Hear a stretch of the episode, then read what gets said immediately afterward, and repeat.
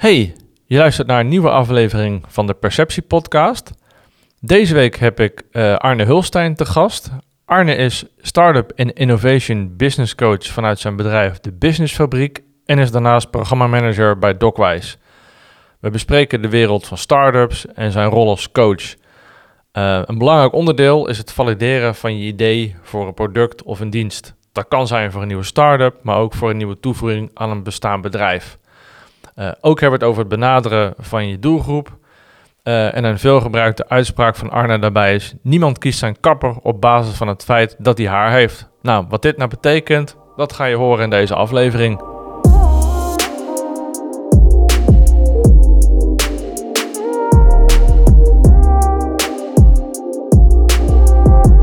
Dit is de Perceptie Podcast. Nou, hey Arne, welkom uh, tot mijn podcast. Dankjewel. Ja, tof dat je deel wil nemen. En uh, eigenlijk een van mijn eerste vragen die ik mijn gasten stel is eigenlijk, ja, wie ben je en uh, wat is een beetje je achtergrond? Zodat je mensen die je nog niet kennen een beetje mee kunt nemen en ja, waar je bent begonnen in jouw wereld en waar je nu staat.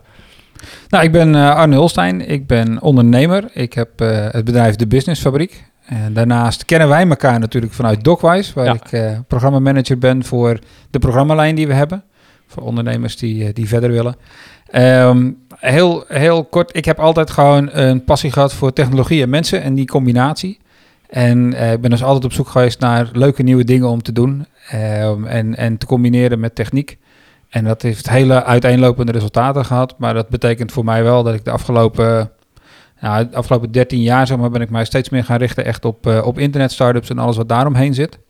En in dat verhaal ben ik ook uh, als, als business coach veel aanwezig, uh, half Europa door, zo regelmatig ook daarbuiten. En ook weer aangehaakt hier bij Docwise om de technieken die we daarin gebruiken ook weer gewoon in te zetten hier voor Zeeuwse ondernemers. Ja, en dat eigenlijk, dan, dan, ik ken jou nu ongeveer denk anderhalf jaar zoiets. En toen zat je hier ook al eigenlijk. Maar hoe, hoe is dat zo ontstaan? Want eigenlijk vanuit je, want heb je naast Dogma's heb je begeleid je nog ook je eigen startups daarbij? Ja, ik heb gewoon ja. mijn eigen mijn eigen klantenkring.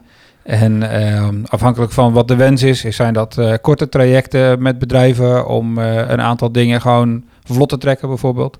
Maar ik heb ook bedrijven die eh, samen met mij een, een innovatietraject doorlopen, waarbij ik de, nou ja, noem het maar een soort stok achter de deur ben. Waarbij we bijvoorbeeld twee keer in de maand of een ander interval bij elkaar gaan zitten. Om te kijken van nou, hoe ver staat het nou?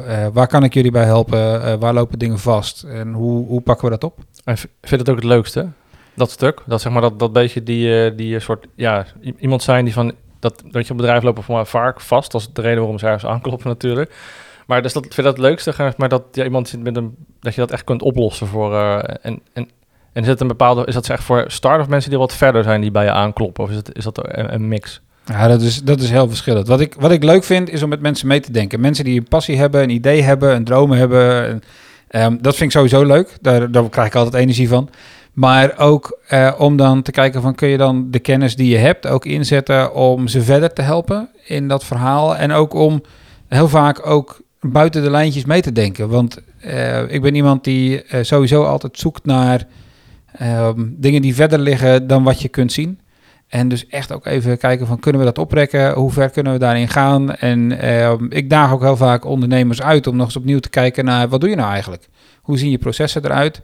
En kan dat niet beter? Kan dat niet anders? Kunnen we daar niet andere vormen van technologie bij inzetten, waardoor je uiteindelijk gewoon zelf ja, minder tijd kwijt bent of, of meer, kunt, meer resultaat kunt halen? Ja, waarschijnlijk is dat nu al meer ook geaccelereerd door doordat corona natuurlijk gespeeld, dat mensen wel moeten nu. Merk je dat? Dat, dat zeg maar de, de misschien de, mensen die normaal wat, wat, ja, wat niet zo welwillend zijn van ja, we doen het al jaren zo, dus waarom zou ik dat doen? Dat ze nu ja, wel wak, soort wakker zijn geworden of meer snappen, oké, daar, daar liggen kansen. Dat ze het om hen heen voor meer bedrijven horen die daar wel, of dus die daar noodgedwongen aan, moeten zijn gaan werken. Ja, je merkt wel, mensen, mensen hebben wel het gevoel van, we moeten nu wat. He, je kunt niet um, je kunt niet altijd op dezelfde voet door blijven gaan. Op het moment dat thuiswerken verplicht wordt, wat doe je met je medewerkers? Eh, kun je ze anders inzetten, waardoor ze misschien nog wel effectiever zijn dan dat je eerst had. Um, als je een bedrijf hebt waar veel mensen over de vloer komen, dan moet je er natuurlijk ook gewoon heel goed over nadenken. Kunnen we dat aanpassen? Um, maar vooral ook als mensen zich niet zoveel meer bewegen in de stad en in andere omgevingen, omdat ja, mensen blijven nou eenmaal veel meer thuis op dit moment en ja, je doet het hoognodige is het dan zo, hoe, hoe blijf je dan bij ze in hè, top of mind, zeg maar? Hoe blijf je bij mensen leven? En hoe kan je dat soort dingen doen? Ehm, kun je misschien je dienstverlening wel gewoon verplaatsen naar hun huis, zonder dat je daar fysiek zelf bij aanwezig bent? Nou, dat, soort, dat zijn hele leuke vraagstukken. Ja, en voor mij is het ook wel, uh, ja, ik heb een beetje, de zijkant heb ik dat hele SOS-programma waar DocWise mee bezig heb ook gezien. En to, daar moesten mensen ook wel, omdat zomaar als je ja, natuurlijk een fysieke business hebt, je kan mensen niet meer ontvangen. En uh, zag je dat de mensen daar, zeg maar, vonden dat, vonden ze dat vervelend, zeg maar? Of hoe gaat Ja, natuurlijk best wel, zo waren mensen welwillend, omdat ze, ze moesten wel, maar zag je dat er veel strubbelingen waren? Of viel het, eigenlijk, viel het uiteindelijk wel mee dat mensen als het helemaal een soort van, dat zeggen, ze zien het van, oh ja, geef wel, want ik denk ook dat het vaak is, dat merk ik vaak, dat mensen niet helemaal op zeg maar, het palet een beetje zien wat er, allemaal, wat er allemaal kan en daardoor misschien wat angstig zijn om het te doen, maar als ze helemaal weten, hé, hey, deze hele, dit hele scala mogelijkheden is er, wauw, daar kunnen we juist gebruik van gaan maken. Dat... Uh, ja, je, ziet, je ziet een soort uh, opeenvolging van, um, ja, noem het maar denkmomenten. Hè? Dus het eerste moment is de overheid zegt ik mag niet meer open. Ja. Um, nou, dan, dan is het eerste is inderdaad paniek. Oh, jij mijn zaak. Normaal gesproken heb ik nu al zoveel omzet. En deze week draai ik helemaal niks en ik heb wel mijn personeel. En dus het eerste wat de mensen hebben is stress. Um, daarna krijg je vaak ook een, een, moment dat ze gaan zitten rekenen en zeggen: ja, nu kan het niet meer uit. En um, best wel wat mensen kwamen op die manier het SOS-programma in. Dat ze echt zeiden: ja, ik, ik moet wat, maar ik weet eigenlijk niet precies wat. En het mooie aan het SOS-programma, en uh, daar ben ik heel blij, want dat doe je natuurlijk niet alleen. Daar hebben een heel team van, van coaches en ontwikkelaars. En uh, heel veel mensen hebben er heel veel tijd in gestoken. Maar dan kun je ook mensen met een programma ontvangen waarbij je zegt van oké, we gaan eerst eens even kijken van hoe staan de zaken nou? Want als jij binnenkomt als ondernemer, ja, ik, ik moet toch een beetje gevoel krijgen bij jouw bedrijf, bij jouw situatie, bij uh, wat voor kennis heb jij wel, wat voor kennis heb jij niet? Hè? Als jij helemaal niets van financiën weet en het eerste wat ik ga zeggen is iets financieels bijvoorbeeld, ja, ja dan schieten we er niks meer op. Um, daarbij was ik dan weer heel blij dat ik echt een, een financiënman naast me had, want um, dat is ook niet mijn sterkste kant. Um, maar je, je merkt wel dat je op die manier al in die analysefase uh, ondernemers echt inzicht geeft in hun bedrijf. Wat ze van tevoren niet hadden. Ook al zaten er mensen tussen die echt gewoon al twintig jaar met dat bedrijf bezig waren. Dan nog dachten ze van, hé, hey, dit is nieuw. Uh, ik, ik heb een tunnelvisie die je hebt, omdat je niet anders gewend bent naar je cijfers te kijken, bijvoorbeeld. Ja, bijvoorbeeld, maar ook heel vaak omdat het niet nodig was. Zolang het bedrijf loopt, en, eh, nou, dan, dan is het allemaal prima. En als ik jou dan de vraag stel in welke categorieën van welke producten verkoop jij wat aan welke groep, om het maar even heel moeilijk te maken, ehm, dat je op een aantal punten gewoon die vraag niet kunt beantwoorden. Ja, en dat is natuurlijk wel essentieel als je een soort van pivot wil maken nu wat, waar kan ik dan meer mee doen? Of wat is interessant om, om een omslag te maken in je bedrijf? Nou ja, dan, zijn, dan wordt het ineens wel belangrijk, ja. Dat is het. Dan moet je op een gegeven moment moet je dat gaan snappen. Dat je wel zegt van oké, okay, eh, als ik dus nu iets wil doen waarbij mensen niet meer fysiek naar mij toe kunnen komen, dan moet ik wel kijken welke producten lenen zich daar het meest voor. Eh, of wat voor dienstverlening leent zich daar het meest voor en, en hoe gaan we dat dan inzetten? Maar als dat maar bijvoorbeeld 5% van je normale bedrijfsomzet zou zijn, ja, dan moet je nog eens even achter de oren krabben van klopt dan mijn doelgroep wel, bijvoorbeeld. Ja. Um, want als ik nu ga zeggen, ja, ik heb normaal gesproken is het maar 5% van mijn omzet, maar nu ga ik er 100% op draaien, want ik kan niet anders. Ja, dan, dan moet er echt wel heel veel veranderen. Ja, en dan moet je je wel bewust van zijn. Ja, en dat vind ik wel een, uh, wel een uh, ik, wel, ja, ik heb ook, ik heb het antwoord niet hoor, en ik vraag niet of jij het antwoord hebt op de, de vraag, maar dus ik vind het, vind, het, vind het mooi om te zien dat bijvoorbeeld in de horeca voor mij wel en, en de evenementen die zijn voor mij wel misschien uh, binnen mij wat ik daar vanaf weet uh, misschien het hardst getroffen, want die hebben die kunnen mensen niet meer ontvangen. En je, dan zie je natuurlijk al die initiatieven dat je dan dingen kunt afhalen, maar ja, voor mij is het ook maar van beperkte. Dus voor mij is het voor zulke bedrijven moeilijk om daar, weet je, om die omschakeling te vinden, om in ieder geval iets te doen wat uniek is, want ze gaan allemaal Oh, een helikoptertje vliegt ook voorbij. Als het goed is, hoorden mensen dat niet. Omdat deze eigenlijk maar binnen een kleine straal uh, opneemt. En misschien nog goed om te zeggen, het SOS-programma wat we overhaalden... is eigenlijk een programma van Docwise om ondernemers en pro problemen te helpen. Zoals de naam SOS al... Uh, al al voor, ja, ja, het geeft, geeft wel een indruk, hè, ja, SOS. Ja, het is wel een beetje zo'n oh jee, nood. Ja. Um, en uh, zo hebben heel veel mensen het ook wel gezien. Echt als een, een als een, een strohalm om vast, uh, vast te klampen. En uh, ja, als je kijkt, horeca natuurlijk. Uh, horeca en evenementen uh, zijn natuurlijk heel zwaar getroffen. Um, gewoon, gewoon domweg omdat ze in die tijd niks konden. Dan zitten wij gelukkig in Zeeland, dus In Zeeland heeft de horeca heel veel goed kunnen maken. Ja, dat is wel... Eh, dat, dat is heel prettig. Hè? We hebben nu een hele goede zomer gehad. Ehm, tegelijkertijd, als ik horeca-organisaties verder op in het land spreek, dan is dat ook weer heel anders. ja, Ehm, maar je, je, moet, je moet door, je moet anders dingen doen. En wat je wel merkt, en dat zie je ook in de consumentenbesteding, eh, bestedingen, mensen zijn wel bereid geweest om meer uit te geven voor eten en drinken bijvoorbeeld. ja, Voor een deel gaat het naar de supermarkten, maar voor een deel gaat dat ook naar eh, restaurants en, en bestellen.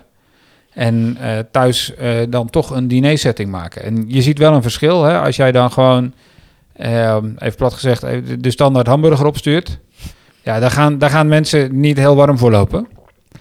Maar ehm, net eventjes een iets andere draai aan dingen geven, ehm, dan, dan merk je toch dat mensen daar best interesse in hebben. ja, natuurlijk. Ja, het gaat ook een beetje net... Ja, je moet onderscheidend zijn, zoals ik denk voor heel... Dat moet je ook doen, eh, ook nu. Als je ervoor al wou zijn met je, met je menu of met je uitstraling, dan, dan geldt dat nu natuurlijk ook nog steeds. Ja, laten we heel eerlijk wezen, als ondernemer, in de breedste zin van het woord, moet je natuurlijk onderscheidend zijn. Ja, ja. Want als je hetzelfde bent als iedereen, en dan gaat niemand specifiek voor jou kiezen, maar gewoon voor degene die op dat moment het dichtst bij zit, bij wijze van spreken. Als, je- iedereen hetzelfde. Als je zelf niet kiest, dan eh, word je soort van gekozen, vind ik altijd zo'n... eh, Ja, nou, het voorbeeld wat ik heel graag geef aan, aan ondernemers, als we het hebben over ehm, nou, alles, alles wat ik doe eigenlijk draait om een paar hele simpele dingen. Ehm, en een van de belangrijkste daarvan is welk probleem los je op voor welke doelgroep. En dan moet je het probleem niet meteen zien als het bloed spuit eruit en het doet pijn. Ehm, maar extreem, dat zijn de extreme. dat zijn de extreme problemen. Eh, morgen staat de deurwaarde voor de, de, de deur, zeg maar. Dat extreme problemen. Eh, maar dat kan ook zijn iemand die zegt: Ik wil een leuke sfeer in mijn huiskamer creëren. Dat is, dat is een probleem wat je op wil lossen. Ik wil eh, indruk maken op mijn vrienden als ik in mijn cocktailjurk bij een borrel binnenkom. Ik wil eh, nou, dat, dat soort sociale, psychologische dingen, die, dat, dat kunnen ook dingen zijn. Ik zie je nou voor me oplost. in een cocktailjurk. maar- Bedankt voor deze. Eh, goed, nou, laten we even doorgaan. Ja. Ehm, maar hè, dus, eh, het probleem en dan ook specifiek die doelgroep erbij. Voor wie los je dat op? En eh, een voorbeeld wat ik heel vaak tegen mensen zeg is veel, ehm, niemand kiest zijn kapper op basis van het feit dat hij haar heeft. nee, ja, goed. Ja. Nee, dat, is, dat is gewoon een ding. Je, je kiest een kapper op andere eh, factoren. En eh, eh, wij mannen hè, hier, wij kiezen vaak een kapper omdat het gemakkelijk is. Hij is in de buurt of je heeft tijd, weet je, dat soort dingen. Ehm, vrouwen hebben veel meer ook vaak een hele specifieke kapper. Vanwege een, een knipstijl of een behandelwijze of dat soort dingen. Kijk, een, een kapper eh, die, eruit, die zich gedraagt als de Grinch, zeg maar, daar ga ik ook niet graag naartoe. Nee. Dus dichtbij is voor mij niet maatgevend als het niet een leuke kapper is. Dus je hebt allerlei, ehm, allerlei extra's die horen bij het oplossen van het probleem, het knippen van haar. En op het moment dat je dat niet in de gaten hebt en je gaat je niet onderscheiden naar een doelgroep die er echt voor jou is, ja, dan heb je echt een uitdaging. Want ja, dan, dan moet je maar afwachten wie er binnen loopt. En ik denk, Ehm, om weer terug te springen naar het SOS-programma. Hè, als, je, als je kijkt naar wat we daarin gedaan hebben. En, en zeker ook voor horeca. eh, op het moment dat je iets mag doen. ehm, kun je dus ook niet meer wachten op het moment dat mensen toevallig jouw stoeltje op jouw terras kiezen. Of, Ja. eh, of bij jou binnenlopen. Je moet echt gaan kijken als ik maar 30 stoelen mag vullen. Hoe kan ik dan moedwillig zorgen dat die 30 stoelen elke dag vol zijn? En dan ook nog eens kijken of dat, dat met een doelgroep kan die eh, altijd wel gewoon voor hoofd en nagerecht bestelt. Precies, dan heb je En- gewoon meer omzet. Ja, optimaliseren van, jou, van jouw zaak. Ja. Het is eigenlijk gewoon, ja, je moet gewoon roeien met de riemen die je hebt. En dat wil je niet afhankelijk zijn van fate, zeg maar. Dat moet gewoon eh, van geluk, zeg maar. Die moet, dat moet gewoon plannen natuurlijk. Ja, maar je wilt niet alleen riem- roeien met de riemen die je hebt, maar je wil ook nog even kijken dat je dan wel, als je gaat roeien, het setje riemen pakt met het grootste blad. Waar, die jou het minste moeite kost om daar te trekken. en ehm, eh, daar, daar, zit, daar zit heel veel van het spel in. Hoe beter je dat voor elkaar krijgt, hoe effectiever jij bent als ondernemer. En, eh, en zo'n beetje, hoe ziet, hoe ziet een beetje jouw, jouw dagen eruit? Want ik zie, jou, ik zie jou best vaak, omdat ja, we kennen elkaar. En op een gegeven moment, ik zit een, een plek hier in Dokwijs waar ik... Je kan niet allemaal ontkomen, zeg maar. Ik zie iedereen voorbij lopen. Je zit ook altijd voor het raam Ik gewoon. zit, ik hè, zit dat- ook altijd voor het raam. Hoi, kom eens even. Dus dat, hoe, hoe, ziet, hoe ziet jouw dag er maar gewoon uit? Jij, jij, ik zie altijd van hond naar her rennen, maar ik spreek je wel eens. Maar hoe is het? Ja, maar eigenlijk, voor mij, voor mij ben je altijd, altijd on the road of, of busy. Maar misschien valt het al wel reuze mee. En ik weet dat je graag fietst. Ja. Eh, dus dat neem ze wel daar, maar gewoon ja, gemiddelde door de weekse dag van Arne. Hoe, hoe, hoe ziet hij eruit? Goh, ja, dat is mijn eh, een gemiddelde dag heb ik eigenlijk niet zozeer. Maar als er programma's lopen, dan zit zo'n dag helemaal vol met een programma. Dan begin je echt vanaf, vanaf 9 tot, eh, tot half zes, zeg maar. Ehm, met, ehm, als je mazzel hebt, een, een uurtje tussendoor of een half uurtje tussendoor die je pauze hebt. En, en verder ben je dan alleen maar bezig met die ondernemers die in het programma zitten. En ja, op dit moment doen we natuurlijk heel veel programma's online. En dat betekent dat ik gewoon eh, eh, op mijn kantoor woon. eh, voor mijn camera. met mijn grote microfoon voor mijn neus. Om dan op die manier met ondernemers bezig te zijn. Ehm, en, en anders ben ik inderdaad hier bij Docwise om datzelfde mee te doen. Dagen dat ik geen programma heb, ja, die, die zitten vaak ook wel gewoon weer helemaal vol gepland met calls met eh, losse ondernemers. Hè, los tussen aanhalingstekens, maar eh, dus, dus mijn andere klanten. Ja. Waarbij ik van de ene naar de andere ga en eh daartussendoor Ja, dan kan, je, da- dan kan je geen gemiddelde dag hebben, want het is elk probleem als je al eerder schetst, is, is anders. Dus ja. Ja, ja. ik, ik kan me voorstellen dat er beroepen zijn waar je echt een hele mooie standaarddag kunt benoemen. en ik ben ook tegelijkertijd heel blij dat ik dat niet heb. Want dat, dat past ook helemaal niet bij wie ik ben en, en hoe ik denk en hoe ik doe. Ehm, voor mij moeten dingen altijd graag wat, wat vloeiend zijn. Ehm, improvisatie vind ik een... eh, daar ben ik goed in geoefend en dat, eh, dat, dat Ja. werkt ook veel. Nu je zelf zo omschrijft, dan kan ik, kan ik wel, durf ik wel te beamen. Ja. Ja, nou, dat- dat, zijn Ja. wel dingen, daar voel ik me lekker bij. Ehm, ik denk dat ik op die basis ook de, de meeste mensen het beste kan helpen. En dat vind ik ook gewoon belangrijk. En ben je, ben je een vroege vogel of, of ben je een, een, zeg maar, een doorhaler of gewoon, een- ja, maar, of is het ook wisselend? Ik eh, ben altijd een doorhaler geweest. Ehm, maar ja, op een gegeven moment dan heb je met kinderen de wekker die om 7 uur gaat, zodat eh, iedereen naar school kan. En ehm, ja, sindsdien ehm, kan ik nog steeds doorhalen, maar kan ik niet meer uitslapen. Nee. Dus dat, dat heeft wel eens een uitdagingen. Eh, maar ook dat heeft te maken met, ook, ook met werktijden. Want ik heb op een gegeven moment ook met een, met een partij in Nieuw-Zeeland gewerkt bijvoorbeeld. Ja, dan moet je dus echt kijken van op welk moment bellen we elkaar. En dat kan dus heel rustig eh, midden in de nacht zijn. En datzelfde geldt voor startups waar ik mee werk dan eh, aan de andere kant eh, in Amerika. Ja, je, je moet dat soort dingen plannen. En dat is niet altijd makkelijk voor de rest van het gezinsleven. Nou ja, dan, je, je zit gewoon met de andere kant van de wereld, wordt net wakker of ze gaan naar bed. Ja, En, en voor ons geldt dan hetzelfde. Dus het is inderdaad wel een, kan een uitdaging zijn volgens mij. Omdat af en toe wel. Af en toe, is wat zwaar, maar dan is wat, je moet het natuurlijk wel, je moet het regelen. Ja. ja, je moet het regelen. Dat is meer. Mijn, mijn klok staat niet altijd gelijk met de rest van Nederland, zeg maar dat. en dat geeft ook niet. De, Ar- de Arne standaard, zeg maar. Ja, zoiets. Arne Meantime, weet je dat? Daar zocht ik naar, maar kon niet opkomen. Greenwich Mean Times natuurlijk. Ja, ja, Ja. En misschien wel, wel leuk om, eh, om in te halen, want je hebt, we hebben het een paar keer over programma's gehad. Want, waar je, betrok- welke, want ik, ik weet ze allemaal, maar jij kan ze nog beter. Maar, want bij Dockers zijn er een aantal programma's. Eh, misschien is het leuk om daar even doorheen te lopen van waar je bij betrokken bent. Ja, is prima. We hebben sowieso, eh, om te beginnen, hebben we programma lijnen. En daar zitten de programma's weer onder, om het allemaal eventjes wat, eh, wat verwarrender te maken. Dat valt ook wel mee hoor. Maar, ehm, want dan wil ik wel het onderscheid maken. We hebben een studentenlijn ook. Daar ben ik ook de programmamanager voor. En we doen bij de Hogeschool Zeeland een HBO minor ondernemerschap.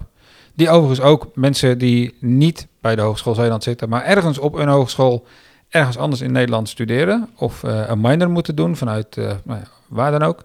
Die kunnen zich daar allemaal bij inschrijven, dus dat is ook leuk. Je oh, kunt, dus ik ken eh, dat nog niet. Dat is wel een gave, ja. ja, dus je kunt vanuit heel Nederland kun je ondernemerschapsonderwijs hier krijgen. Het is, het is innovatief ondernemerschap en we gaan ook echt in op het hele verhaal van lean startup en alles wat daaromheen zit. Ehm, en we hebben dan aan het begin van het jaar ehm, eh, binnen hogescholen, eigenlijk binnen heel veel eh, scholen, heb je, die doen mee in Nederland aan ehm, bij de Stichting Jong Ondernemen aan de student companies. En dan, dan krijgen ze eh, in dat jaar krijgen ze de kans om te proeven aan ondernemerschap, hun eigen bedrijf te beginnen en daar ook eh, gewoon hun leerproces in te hebben. En wij doen daar voor de Hogeschool Zeeland elk jaar een week lang een kick-off in, waar we mensen echt een vliegende start laten hebben met hun bedrijf. En dat betekent effectief dat ik ze gewoon een week lang heel erg op de huid zit. en, en uitdaag en, en dwing om anders te denken en stappen te zetten die ze anders nooit zouden doen. Maar we zien wel dat aan het einde van die week daar ook hele mooie resultaten uitkomen. En voor mij is het ook populair. Ik heb voor mij Peter die er ook bij betrokken is. Ja. Voor mij zei dat het normaal gesproken is dat één keer in het jaar dat het nu vaker plaatsvindt. Dat, het zo, dat er zoveel inschrijvingen of zijn. Dat mensen dat echt tof vinden om, eh, om te snuffelen aan dat ondernemerschap? Nou, dat is de minor. En dat is ook echt de bedoeling dat mensen wel een beetje een idee hebben over... dit is het soort bedrijf wat ik Oh, zou dat is de minor, ja. opzetten. Dat is niet de student company. Nee, dat is niet de student ja. company. Eh, die bootcamp doen we maar één keer in het jaar. Maar de minor die draait twee keer in het jaar. Dus elk semester kun je gewoon instromen. En we hebben al eh, eh, studenten uit, uit Ede bijvoorbeeld gehad... die hier dan de minor komen volgen... en dan het volgende semester gewoon weer teruggaan naar hun eigen hogeschool. Ja, ja is wel, wel, wel heel stoer. En natuurlijk, en, eh, want natuurlijk hier bij Docker zit het voor mij ook een, een aantal eh, waar je bij betrokken bent geweest. Voor mij eh, zo, kan spontaan op de naam komen, maar Jesse, Ja, Sugar Fam. Sugar Fam, ja, weet je wel, die ook vanuit, weet je wel, die, nu, die daar nu een bedrijf uit. Die zijn heel, leuk- dat is een heel leuk verhaal natuurlijk. Die zijn begonnen als een student company. Die zijn die bootcampweek doorgerold, zeg maar. En daar is het idee uitgekomen wat, ze, wat uiteindelijk Sugar Fam geworden is. Eh, daarna zijn ze de minor gaan doen. Na de minor zijn ze hier bij Docwise de Accelerator door gaan lopen. Dat is een ander programma, daar komen we straks nog wel even op. Ja. En eh, ze gaan nu afstuderen binnen hun eigen bedrijf. Oh, grappig, dat kan dus ook. Je kan dat kan ook, ja. Ja, ik, mijn, mijn afstudeertijd is wat langer geleden, dus het was een, want, ja, andere, andere scenario's. Maar je kan dus Ja, of vijf was dat echt anders, hè? Ja, Ja, ja. Een jaar of vijf geleden, ja. Ja. nou ja, dat is het grappig dat dat dus kan. Dat je gewoon binnen je eigen onderneming... Normaal gesproken is voor mij dus zo'n vereiste... Dat je, dat je iemand hebt zitten die, eh, die dan ook het zelf diploma heeft... En die, eh, of heeft. En die, eh, eh, die, er, weet je, die jou kan begeleiden. Maar dan ben je in feite je eigen... Hoe werkt het dan? Dan ben je dan je eigen bug... Ja, nee, dat doet hij goed allemaal. Ja, je geeft jezelf een schouderklopje. Nee, dat is niet zo. Ehm, ze worden dan begeleid vanuit de Hogeschool Zeeland en door mij. Ah, Oké, ja. Dus ik kom dan ook weer vanuit een andere hoek, zeg maar, als bedrijfsbegeleider binnen. Dus dat is dan weer... Ja, precies. Maar toch iemand, iemand die dan eh, een beetje met gezag naar ze kan, eh, zeg maar, kan kijken of kan, hel kan helpen. Anders eh, stel me zo voor, dan is het een, ja, een feestje. Ja, ja, afstuderen, ja, daarom. En Ja. dat is... eh, eh, feestjes zijn helemaal niet erg. Nee, En eh, wat mij betreft als ondernemer heb je heel vaak feest. Maar eh, je, moet, je moet wel zorgen dat de dingen die je moet doen ook gedaan zijn. Ja, Dus, eh, maar goed, dat is dus de, de studentenlijn. En dan hebben we de lijn eh, die voor, nou ja, dat klinkt een beetje raar om te zeggen andere ondernemers. Ehm, maar hè, de ondernemers. niet-studerende ondernemer. ja, de niet-studerende ondernemer inderdaad. Ehm, en daar hebben we verschillende dingen in. Ook hier hebben we een, een bootcamp. Dat is dan 12 uur, eh, waarin je echt ehm, flink het vuur aan de schenen eh, wordt gelegd om jouw idee te, eh, echt een, een zet te geven. Die doen we maar één keer in het jaar. En dit jaar helaas. En dat is wel echt, heel, echt in de instap. Wij spreken mijn neefje, die denkt, ja, ik heb een idee. Ik kan gekleurde lightbulbs, eh, heb ik een idee voor. En dan, dan ja, waar, be- waar begin ik mee? Die gaan dan googlen of die komen ergens terecht. En als dat, dat zou een ideaal vertrekpunt zijn. Om daar eens even... Dat zou een vertrekpunt kunnen zijn. Je hoeft voor de bootcamp niet eens een idee te hebben, want je wordt in teams eh, eh, word je gezet zeg maar, met mensen en je kiest met z'n allen van welk idee gaan we doen. Oh, ja. Tenminste, je maakt eigenlijk je eigen. We laten iedereen zijn idee pitchen en op basis daarvan vormen zich teams. En die teams gaan dan het beste idee wat zij vo- dus vonden eh, samen uitwerken. Dus je, gaat, je bent niet noodzakelijk met jouw idee bezig, maar je leert wel de manier waarop je dat gewoon Je krijgt wel tools in handen om, ja, Ja. om dan je eigen idee vervolgens dan weer volgens die principes die je geleerd hebt. Ja, daarom. Dus de, de volgende dag zeg maar, doe je het nog een keer dunnetje over, maar dan met jouw idee. En en het doel van de bootcamp is dan niet, niet daar kom ik zo nog, want jou koppel ik, het woord wat ik jou aan koppel is het woord valideren. Oh, wat leuk. De Ja. eerste keer dat die valt in de podcast. Eh, ja, Mm. ja, nee, maar nou, ik denk dat dat, wel- ja, komt vaak regelmatig voorbij, maar dat moeten we sowieso nog even behandelen, vind ik. Vind ik het ja, Absoluut. een super cool, ja, goed onderwerp. Eh, Ja. Ehm, maar ja, was, was zeg maar het doel naar, van, van de bootcamp? Zeg maar. Als je dat doorlopen hebt, dan, zeg maar, dan ga je naar buiten of dan naar dag twee of online. En, dan, en, wat, en dan, wat heb je dan? Wat heb je dan? Nou, je, wat we willen doen is dat we je laten merken dat, je, dat innovatief ondernemerschap anders in elkaar zit. Je kent vroeger nog wel de reclames van eh, ga naar de Kamer van Koophandel. En dan ging je daar naartoe en dan schreef je zo'n formuliertje vol en dan zet je je handtekening en dan was je ondernemer. Ja, En, en wat je dan moest doen was dat je naar de bank ging, die ging je rekening openen en dan zei de bank, heb je al een businessplan? En dan zei je nee en dan gaven ze je zo'n document met 24 pagina's en dan moest je dan zelfs invullen. Ja, En als je dat dan geschreven had, dan zei de bank, hmm, dat is een goed idee, je krijgt een rekening of eh, je krijgt misschien nog een krediet of, of zoiets. Nou, ehm, en, en dan ging je je product op de markt zetten en dan keek je wat er gebeurde. En dat is eigenlijk, dat eigenlijk een hele ouderwetse manier van kijken naar ondernemerschap. Omdat eh, je loopt gewoon heel veel risico dat de dingen die jij eh, neer wil zetten, het misschien niet halen. En ehm, kijk, net als bij, ik weet niet of dat jij wel eens met iemand een wedstrijdje doet, maar ik doe het liefst een wedstrijdje van iemand waarvan ik weet dat ik kan winnen. Toch? Bedoel, als ik van tevoren weet dat ik ga verliezen. Je noemde al eerder, ik, eh, ik fiets wel wat. Nou, ik heb op een gegeven moment met, uh, met Laurens ten Dam gefietst. En eh, ik ga niet tegen Laurens ten Dam een stoplichtprintje doen. Dat stoplichtprintje, dan weet ik gegarandeerd dat hij wint.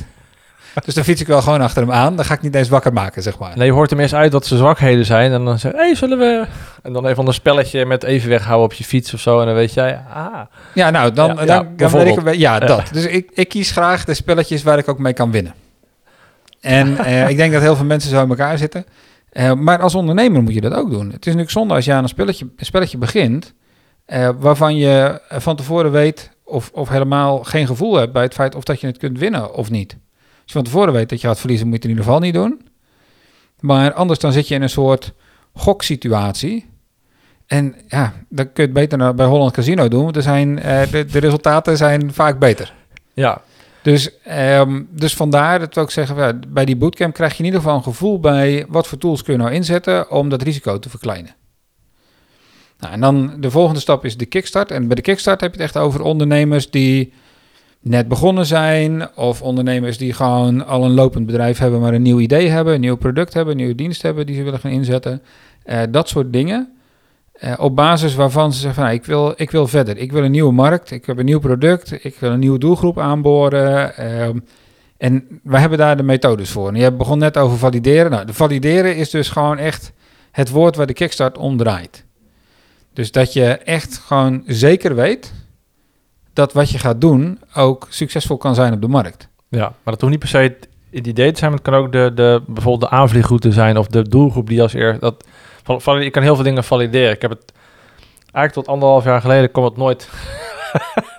was ik er niet mee bezig, maar... eh hier, Toevallig. Ja, dat het precies ook anderhalf jaar Ja, geleden is. ja. Ja. Maar de, de, de grap is eigenlijk, eh, we hebben natuurlijk al vaker daarover, daarover gesproken, alleen nu nemen we het een keer op. Ja. Eh, weet je, dat iedereen die uit, die kent dan, of die, die Kickstart of de Excel gedaan, weet je, dat dat valideren echt wel gewoon echt centraal in hun leven is gegaan. Dat ze dan eh, in ieder geval in hun bedrijf is geworden, omdat ze daarmee, ja, weet je wel, eh, slimmere beslissingen maken in plaats van twee jaar bezig zijn met iets waarvan ze na twee jaar denken, oh, dat was niet de beste route. En dat eigenlijk dat je eigenlijk je tijd en je moeite daarmee wilt voorkomen. Dat is zeg maar hoe ik valideren nu zie. Het is niet per se, is mijn idee per se goed, maar ook het bijschouwen ervan, om ook hoe je, hoe je het op de markt kunt brengen. Maar ja. ja, Ja, er zit eigenlijk alles eromheen. Valideren is, ehm, eh, je- begint met een gedachte. En ehm, eigenlijk is valideren niks meer dan kijken of het klopt. En ehm, als je kijkt naar de kickstart en, en mensen die valideren echt gewoon als een kern hebben gemaakt van datgene wat ze inderdaad met hun bedrijf doen, dan zie je dat dat steeds teruggaat naar eh, wat is de hypothese die ik op dit moment heb? Wat, wat is mijn verwachting? Wat geloof ik eh, in die markt over het probleem dat ik oplos of over mijn doelgroep? Of, ehm, en hoe ga ik dat zo kort cyclisch mogelijk testen? Zodat ik vrij snel een antwoord heb waar ik wat mee kan. Ehm, en daarmee gebruiken ze andere methodes dan bijvoorbeeld eh, zo'n enorm marktonderzoek. En je hoeft niet Maurice de Hond te bellen of, of dat soort partijen, zeg maar.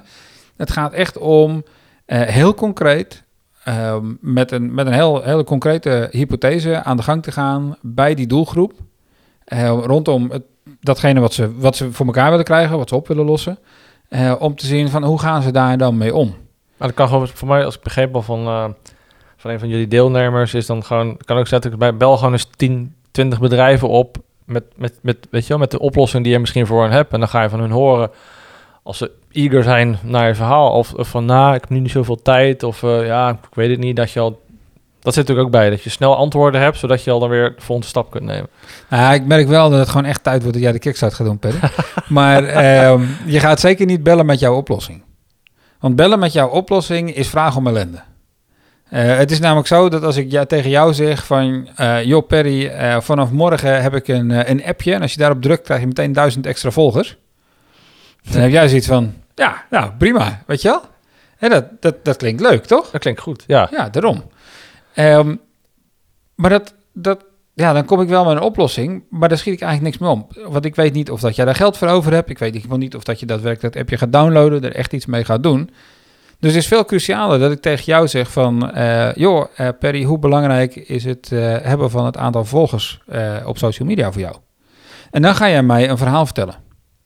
En uit dat verhaal ga ik horen hoe jouw werkwijze in elkaar zit. En vanuit die werkwijze kan ik zien of dat er wel of geen uitdagingen in zitten. Ja. En nou is dit natuurlijk een vraag die heel erg op jouw vakgebied ligt. Ehm, maar hè, als je, dat, dat kun je natuurlijk met iedereen doen. Vertel mij eens over de laatste keer dat je een nieuwe klant binnenhaalde. Hoe werkte dat? Hoe kwam die bij jou? Ehm, wat voor afspraken heb je gemaakt? Ehm, maar dat soort dingen. Vertel mij dat verhaal eens. Op het moment dat ik dat aan jou vraag, dan ga jij vertellen. En je gaat geen dingen verzinnen. Want dat is als ik jou de vraag zou stellen: eh, hoe zou een nieuwe klant bij jou terechtkomen? Dan ga jij een soort generiek gemiddelde bedenken van alle klanten die je door de jaren hebt Ben, ik- gehad. ben ik met je eens, dan ga je gewoon iets verzinnen wat, wat on- ongestaafd is. Dat is gewoon je eigen ja, dat, het- idee. Of misschien van een paar klanten die binnen zijn gekomen.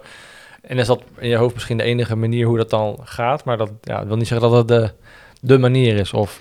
Nee. Ja, of, en dat is het punt. Hè. Jij gaat in je hoofd, ehm, onwillekeurig, ga je een soort generalisatie maken van alle klanten die je hebt gehad door de jaren heen. En, en daar maak je dan een soort ideaalplaatje van en dat ga je mij vertellen. Ja. Maar als ik daar een product op ga bouwen, dan ga ik een product bouwen op wat jij op dat moment dacht dat mogelijk een scenario zou kunnen zijn. Nou, je hoort hier al zoveel slagen om de arm, zeg maar. Eh, daar word je niet een vrolijk paar van. knopjes waar je kan draaien. En als één knopje niet aan te draaien valt. Of, of het knopje is kapot. Dan... eh, Nou ja, Weet 9 je- van de 10 keer komt de werkelijkheid niet overeen met het verhaal wat jij net verteld hebt. Dus als jij daadwerkelijk de keuze moet maken, dan ga jij wel uit van jouw werkelijkheid en niet meer van het verhaal wat jij mij verteld hebt. Dus als ik wil dat jij dus mijn product gaat kopen, dan moet ik zorgen dat mijn product aansluit bij jouw werkelijkheid en niet bij datgene wat jij bezint. En dan is dus een vraag van vertel mij eens hoe het ging de laatste keer dat je een nieuwe klant binnenhaalde, is een veel logische vraag. En dan ga jij heel dat proces vertellen. En dan kan ik detailvragen stellen. En op basis van die detailvragen kan ik wel kijken, bijvoorbeeld, van waar ligt voor jou eh, de uitdaging in dat proces? Als iemand zegt, nou dit is een horde, want dat duurt ongelooflijk lang. Ah, wacht even, daar kan ik op inspelen bijvoorbeeld. Dat door, die, door dat doorvragen komt eigenlijk het pijnpunt waar je dan een oplossing voor kunt bedenken. Ja, of in ieder geval op dat moment weet je dat het pijnpunt daar is. En als je dus met heel veel mensen gaat praten die in dezelfde soort situatie zitten, dan kun je dus gaan valideren of dat dat pijnpunt iets is wat bij meerdere klantgroepen of eh, binnen jouw doelgroep bij meerdere mensen eh, eh, voorkomt. Precies, als het een one-off is, dan, dan, ga, ja, dan is lucky shot. Of het is niet eens een lucky shot, dan heb je een ja, dat het goed is, maar dan je hebt dus niet, niet iets waar je heel je business omheen wil bouwen. Nee. Per se, nee.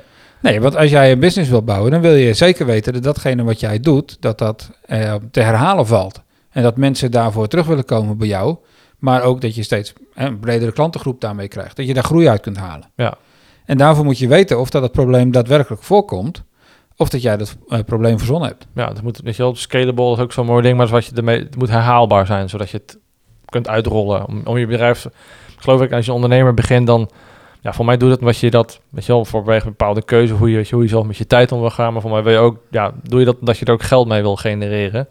En niet per se dat geld het doel om zich is, maar wat ik wil zeggen, als je wil groeien en op een gegeven moment jezelf buitenspel wil zetten, zodat je dan meer aan je bedrijf kunt werken, ja, dan moet je natuurlijk wel iets hebben waarmee je dat kunt bereiken, anders ben je de hele tijd gewoon zelf, ja, op een ander niveau klantje dan binnen Ja, je moet- misschien, ja. Je moet sowieso zorgen dat jouw bedrijf een bedrijf wordt. Ja, nou. Ja, En dat- dat, en dat is natuurlijk een beetje het punt. Als jij bezig bent met ik ga een nieuwe markt op, dan kun je een bestaand bedrijf hebben en iets nieuws opzetten. Maar als dat nieuwe daarna alleen maar geld uit je bestaande bedrijf trekt, word je er ook niet gelukkig van. nee. En als jij als, als een nieuwe aanstormend ondernemer erin komt te zitten en jij komt dan met iets waarvan je zegt van ja, ik heb er nu vijf kunnen verkopen en daarna niks meer. Ja, dan valt het ook tegen. En dan gaat het je ook tegenstaan, dan, dan schiet het niet op. En dan loop je eigenlijk voor niets risico te nemen. En dan is al die effort die je erin gestoken hebt, is eigenlijk verloren. En dat is zonde. Ja. Dus waar het, waar het om gaat in dat hele verhaal, in die kickstart, maar ook in valideren, ehm, dat is uiteindelijk dat je zegt van alle effort die ik erin stop, tijd, geld, moeite, eh, noem het allemaal op, die gaan niet verloren. Ik zorg dat ik alleen maar investeer datgene wat ik nodig heb om zeker te weten dat ik daarna een volgende stap kan zetten. Dat die volgende stap ook wat op gaat leveren. En als je dat niet weet, of, of je komt erachter, dat hebben we hier ook wel eens gehad, dat een, een ondernemer in de kickstart zat en die heeft dus echt gewoon op die manier zijn marktvalidatie gedaan. En die komt erachter en die zegt, ja maar, er is eigenlijk geen markt voor hiervoor. het, zelfs eh, de situatie waarin ze zeggen, ja, mensen onderkennen allemaal het probleem, maar niemand heeft er geld voor over. Ja, dat kan natuurlijk ook. Dat het een Ja. probleem is, maar dat niemand daar bereid is voor te betalen. Dat het probleem nou niet impact genoeg heeft misschien op de, op de, op de portemonnee. Nou, dat is het. Kijk, kijk eens gewoon naar de dingen die je zelf doet. En de hoeveelheid keren dat er dingen zijn waar je zegt van, nou, idealiter zou dit anders gaan. Maar, boah, weet je, ik ga niet de moeite nemen om dit op te lossen. Ik doe het wel op een andere manier. Ja, En ehm, workarounds, hè, dat zijn natuurlijk gewoon, dat zijn dingen waar we met z'n allen eh, ons heel vaak mee bezighouden. Duct tape oplossingen, Ja, je- je kunt er allerlei namen aan geven. Maar dan is er iets wat we eigenlijk anders zouden willen doen, maar het kan niet. Omdat er geen andere, er is geen andere oplossing voor. Maar ja, als wij dan ook dat voor onszelf redelijk gemakkelijk kunnen oplossen, dan gaan we ook niet op zoek naar een oplossing. Of zijn we ook niet bereid om te betalen of op een andere manier te investeren in een oplossing die er wel zou komen. ja. Denk dat je daar goed uitlegt. En is dat, en is dat, het is dat zeg maar ook eh, van, zeg maar, als we, als we het over een start-up dan even hebben, mensen die nog in het begin zitten, is dat ook de, de, zeg maar, de grootst gemaakte fout die je tegenkomt? Zeg maar dat, dat ze dat, nee, ik, ik volg me om, ik, ik heb al, ik zat nog een beetje in een tweespor. Ik heb de Kickstarter inderdaad niet gedaan, we hebben het er wel vaker over gehad. Je weet dat die vraag nog komt, hè? Ja, ja. maar ik kan het eruit knippen.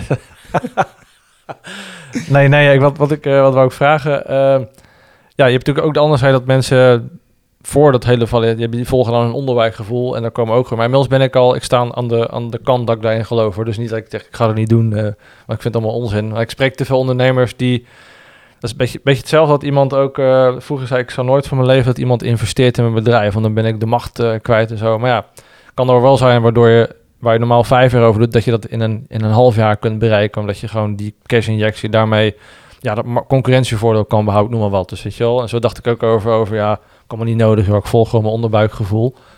Dat was zeg maar tot twee jaar geleden. Nu denk ik, nou, het, zijn, het is wel handig gewoon te weten waar je mee bezig bent. En dat die tijd die je beperkt hebt op deze aardkloot, dat je die in ieder geval zinvol inzet.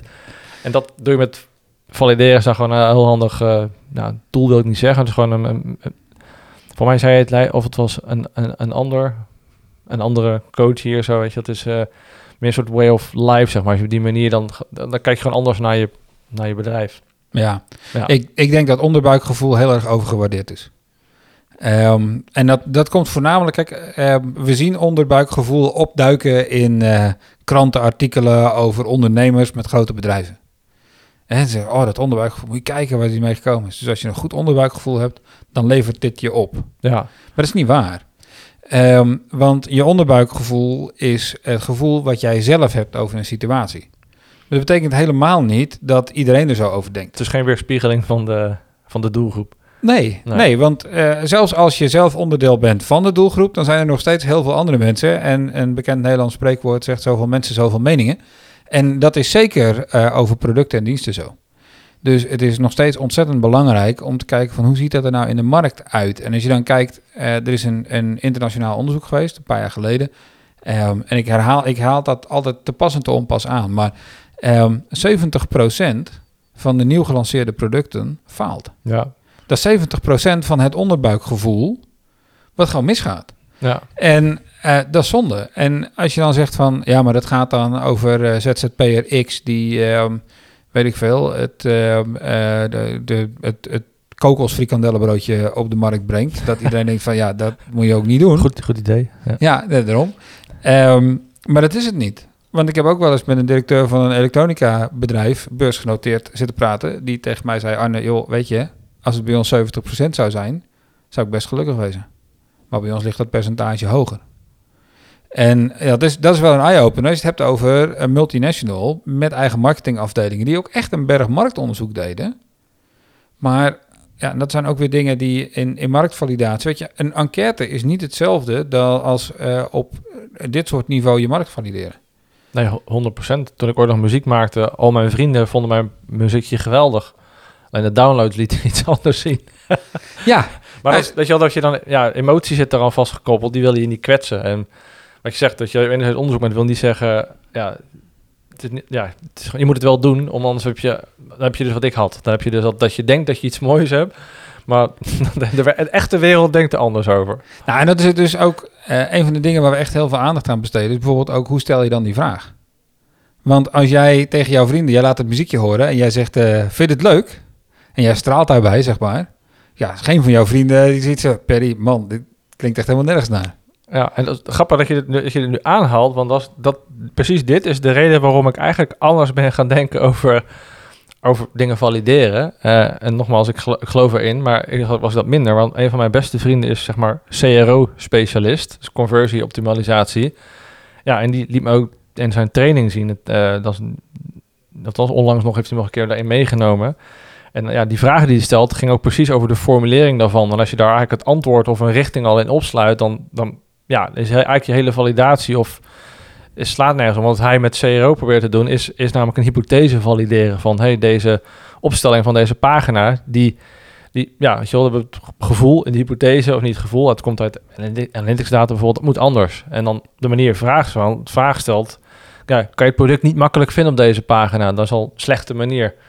Wel? Dus dat, Ja. even een simpel voorbeeld. Jij, jij kan er veel meer uit je broek schudden die dan met ondernemerschap te maken. Maar dat, toen dacht ik, hé, hey, wacht even, dat vind ik een tof onderwerp. En die kijken er ook zo naar.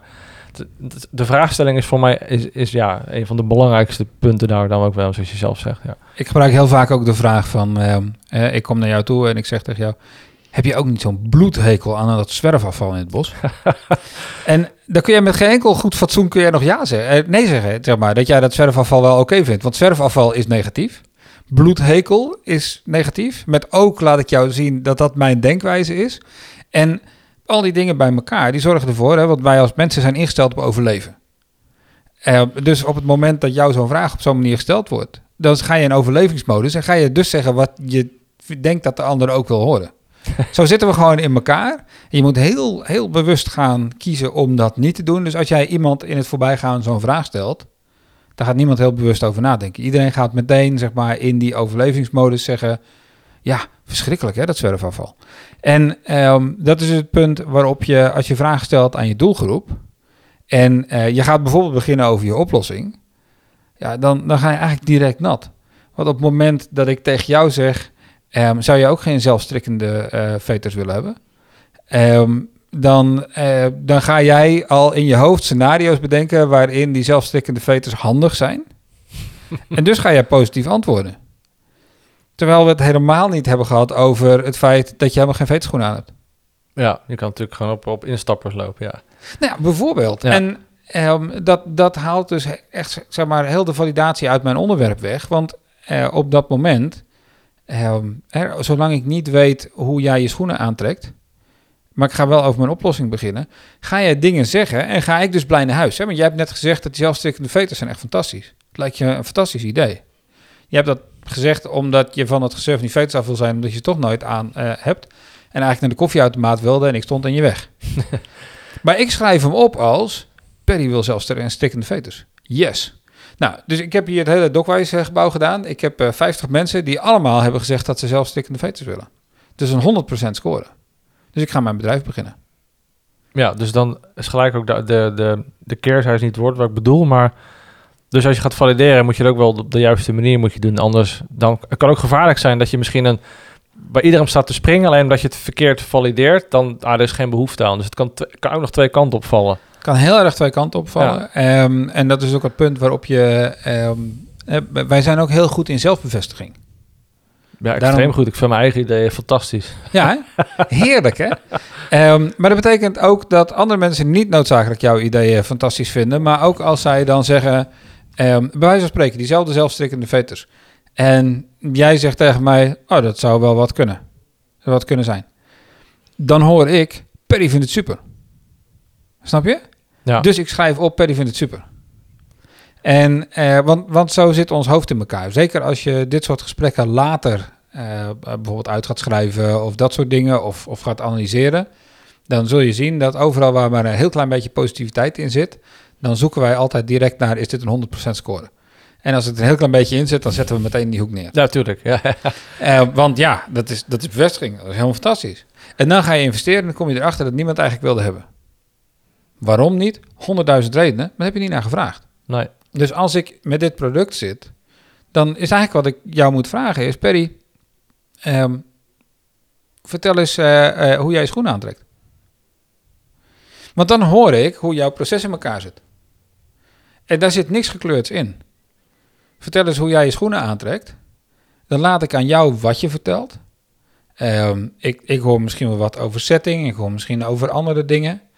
En dan Ehm, krijg je zeg maar door die vraag krijg je de, de, de variabelen waar je op door kunt vragen. En op een gegeven moment heb je het, het proces, het pad van het veterstrikken, heb je een kaart met alle, waar nu is ja, je veterstrikken, maar misschien zitten daar 17 laagjes in die je nu niet, zeg maar, eh, die door de grond krijgt, waardoor je kunt zeggen, hé, wacht even, in, in stap 6, dat, oeh, dat, daar zit een, een pijnpunt. Ja, en misschien moeten die veters wel helemaal niet zelfstrikkend zijn. Maar moet ik iets anders veranderen aan de schoen? Waardoor die bij jou sneller aangaat. Of misschien vind je het aantrekken van schoenen wel even een momentje ehm, wat je, eh, waar je iets anders bij doet, bijvoorbeeld. Ja, Ik zeg van ja, altijd als ik mijn schoenen aantrek, dan eh, heb ik ook dit en dat en dat. Of dan denk ik even na over wat voor muziek ik straks in de auto opzet. Of weet je, eh, dat soort dingen. Als ik dat dan ga wijzigen, dan zou het best wel eens kunnen zijn dat jij er helemaal niet blij mee bent. En ehm, wat dat betreft is het ook heel vaak als ondernemer veel lekkerder om te horen eh, van, "Mwah, nou ja, weet ik niet, weet je wel? Een beetje een onverschillig antwoord. Want dan kun je nooit een 100% score uithalen waarvan je zegt van, oh, daar moet ik op investeren.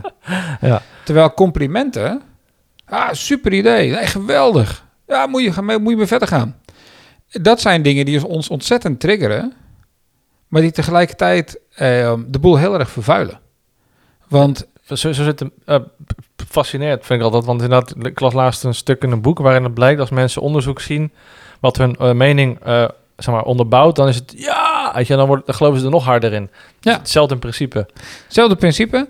En dan moet je ook nog eens, eigenlijk zou je in het hoofd moeten kunnen kruipen van degene die jou het compliment geeft. Hè, zeg maar even, jij, eh, ehm, eh, jij hebt een idee voor eh, een, een nieuwe fantastische app die iedereen meteen wereldberoemd maakt. Ehm, en jij gaat dat valideren en je valideert dat ehm, bij, weet ik veel, bij Cindy beneden. En je zegt tegen Cindy, ja, dit en dat. En, zij en Cindy heeft zoiets van, ja, super, Perry, moet je mee verder gaan. En Cindy heeft eigenlijk zoiets van, weet je, ik ben aan het werk, kom op. Laat me even mijn ding doen. Ehm, en dat zie je niet, want ze zegt, super idee, Perry, moet je mee verder gaan. Dus jij gaat in de Gloria terug naar je kantoor. En zij heeft zoiets van, hé, kan weer het werk. Ehm, en, en dat zijn natuurlijk dingen die je, die je in de gaten moet houden. Want als jij daar niet doorheen kunt prikken, ja, dan word je heel gelukkig van heel veel dingen. Dan ga je heel veel tijd en moeite investeren in dingen die het niet gaan worden. Vandaar dat vragen naar historische situaties. Vertel me over de laatste keer dat. Zou je me uit kunnen leggen hoe jij normaal gesproken, hè, hoe jij dit of dat hebt gedaan? Of eh, dat soort dingen. Ehm, daar kun je veel meer mee. Ja, dat heb ik gezegd, je, je kruipt nou echt in, letterlijk in de huid van, van iemand. Ja. En dit zit, maar dit zit zowel dus in de, in die, in die Kickstarter als in de Accelerator. Of in de Accelerator dan heb je, zeg maar, dat, dan heb je het gevalideerd. Al, eigenlijk al. En dan de volgende stap is, oké, je hebt het product, je, hebt, je kan, er is schaalbaarheid, zoals ik het dan goed zeg, de- daarmee. Dus dan is het daarna, hoe gaan we dat verder uitrollen, zodat je meer klanten of meer, ja, dat is denk ik dan doel. Is dat, zeg ik dat goed? Ja, nou de kickstart is dus inderdaad een heel belangrijk deel marktvalidatie. En dan gaan we ook kijken naar hoe test je dat soort dingen, testmethodes en, en hoe kun je die inzetten. En we kijken ook naar wat is de beste manier waarop je er geld aan kan verdienen. Ja. Want 9 van de 10 keer is dat niet, ik geef jouw product, jij geeft mij geld. Maar zijn er andere mogelijkheden waardoor mensen beter aan jou gebonden zijn, eh, daar zelf gelukkiger van worden als klant. Maar jij ook als bedrijf, want constante inkomensstromen zijn altijd leuker. Ja. Ehm, als je die dingen voor elkaar hebt, je hebt een gevalideerd product en je hebt een product op de markt, dan hebben we de Accelerator. En de Accelerator gaat met jou echt kijken naar ehm, hoe ziet jouw bedrijf er nou eigenlijk uit en waar zit je potentieel. Ehm, maar ook waar zitten je, je knelpunten. Daar hebben we een aantal tooltjes voor, die ga je invullen en dan kom je ineens tegen dingen, eh, loop je ineens tegen dingen aan. Dat je zegt van, hè, daar heb ik nooit zo over nagedacht. Eh, daar moet ik toch eens wat mee doen. Zoals, bijvoorbeeld? Ehm, nou, een van de vragen die we je bijvoorbeeld eh, stellen is: ehm, eh, we laten je bijvoorbeeld je marktgrootte bepalen. En daar ga je ook je eigen marktaandeel ga je ook benoemen. De keer daarna dat je binnenkomt, hebben we al die marktaandelen keer 50 gedaan. En ze verwerk dit nou eens in je bedrijf. Als jouw bedrijf nou ineens 50 keer zo groot wordt, wat heb je dan nodig? Wat, hoe, moet je, hoe moet je die schaalgrootte gaan pakken? En dan ga je dus ook merken dat je voor bepaalde dingen heb je ehm, bijvoorbeeld een hoeveelheid mensen nodig of een hoeveelheid middelen of eh, die ineens misschien wel heel erg in het absurde getrokken wordt. Dat je denkt van, hé, hey, hier moet ik misschien iets anders doen. Want als dit inderdaad gebeurt, dan eh, raak ik heel mijn uh, winstmarge kwijt, omdat ik zoveel meer mensen Precies, dat, dat kan je natuurlijk alleen maar inzicht te krijgen door, dat, door, door zo'n rekenmodel eigenlijk te pakken, waardoor je het, wat je zegt, met je eigen woorden, belachelijk groot maakt. Waardoor je ziet, oké, als, het, als het dan zo groeit, dan qua personeelskosten gaat het gewoon uh, het sales team wat ik erop moet zetten of account managers, wat wordt dan, dat loopt de spuigaten uit, ik noem ook maar. Bijvoorbeeld, of Ja. je productieproces, of je... precies, de Nou ja, andere kant, ja. Al, allemaal van dat soort dingen die meespelen, waarvan je dan denkt van overdraait. Ehm ineens wordt het een ander spelletje. En dat komt niet uit. Want dan eh, kan ik of de mensen niet vinden, of eh, de tijd is niet genoeg. Hè. Ik heb uitgerekend dat ik dan eh 984 uur in de week moet hebben. Nou, dat gaat niet. Ehm, nou, dat, soort dingen, daar, daar, moet ik, daar moet je dus wat mee doen. Ehm, dus op die manier triggeren we de mensen ook om, om na te denken. Maar ook over, eh, je het over hoe meet je of dat jouw bedrijf succesvol is. Dan zijn we gewend dat de accountant zegt, eh nou, is cashflow en is dit en is dat. Maar wij pakken dat dan weer heel anders op. En dan gaan we terug naar het stukje marktvalidatie wat je gedaan hebt. Zeg, ja, maar hoe goed los jij nou het probleem op wat er in die markt is? Want op het moment dat je die aansluiting mist, dan eh, gaat je cashflow en zo, dat eilt nog een tijdje door. Dat, daar zit een soort vertraging op. Maar als je dan al niet met het probleem aan het oplossen bent, dan verschuif je langzaam, als je natuurlijk in die leuke curves en zo eh, kijkt over consumentengedrag, hè, over de early adopters en eh, dat soort dingen, dan heb je zo'n mooie piek. Precies. Dat is de, de, de majority, zeg maar. En dan heb je de laggards. Dus die blijven nog wel een poosje bij jou kopen. Maar dat is wel het punt waarop jij de markt afdrijft. Ja. En op het moment dat jouw cashflow dan inzakt, dan doet hij dat heel hard en dan sta je ook heel erg aan het eind. Vandaar dat we ook zeggen, ja, je moet ook juist die voeling met probleem en de manier waarop je het oplost, omdat het cruciaal is voor jouw businessmodel, moet je dat vooral ook vasthouden. Ja, dus dat, dat, dat stopt eigenlijk nooit. Is niet van, ik heb nu gevalideerd. Mooi. Dat hoeft nooit meer te doen. Dus het blijft eigenlijk dus een ongoing proces eigenlijk wel. Ja, ja, eigenlijk wel. Dat is ook een van de dingen die we eh, zeggen. Kijk, eh, Nederland heeft natuurlijk een prachtig spreekwoord met eh, stilstand is achteruitgang. Ja. En voor een ondernemer is dat misschien nog wel dubbel waar. Want eh, op het moment dat jij eh, de voeling met jouw markt niet constant blijft houden, ja, dan je ziet, hè, zeker nu, als je gewoon voor jezelf even kijkt, in de afgelopen 15 jaar, wat je hebt zien veranderen op de markt, eh, alleen al in je eigen beroepsgroep. En het feit dat mensen op een mobieltje luisteren, dat was 15 jaar geleden, kon nog niet. Dus die verschuiving alleen al, was wat je, wat je zegt. Er zijn gewoon heel veel dingen Ja. die veranderen. In eigenlijk een relatief kort tijdsbestek. In 2008 was ik een van de eerste die heel enthousiast in een testje met eh, Vodafone, zeg maar met 190 over de Duitse autobaan, een videootje aan het streamen was. ja. En het was echt schokkend. En ik geloof dat de rekening achteraf iets van 15 of 16.000 euro was. Voor die eh, drie minuten video die we hebben gedaan. Ja, nu. eh, ik weet niet hoe jouw abonnement is, maar ik heb eh, unlimited data de halve wereld over. Ik, ik- ik- dat is eigenlijk het antwoord. Ik heb geen eens een idee. Nee, daarom. Dus als jij een filmpje wil kijken, als je op de autobaan in, in Duitsland zit, overigens, niet doen als je rijdt, Nee. maar ehm, dan kan dat. Er is, geen, dit is totaal geen twijfel bij jou of dat je dat wel of niet moet doen. Als jij dat wil en je bent niet aan het sturen, dan, kun je, dan doe je dat gewoon. Punt. En ehm, dat is twaalf jaar geleden. Dus als je ziet hoe die markt veranderd is, dat is enorm. En dat geldt natuurlijk op heel veel markten zo. Op heel veel vlakken geldt op veel, verschillende gebieden. Ja. Ja. Zelfs koekjes bij de supermarkt zijn veranderd. Hè? Dus dat, Nou ja, ehm, zeker. ja, dus, De verpakking, en misschien niet de inhoud, maar de manier hoe je het presenteert, omdat er gewoon meer merken bij zijn gekomen. Zelfs als je gewoon iets simpels als tafelzout wil hebben, heb je tegenwoordig keus. Ja. Dus ehm, in, in die zin, op het moment dat jij dat als producent niet, of als ondernemer niet in de gaten houdt, ga je gewoon die aansluiting op die markt missen.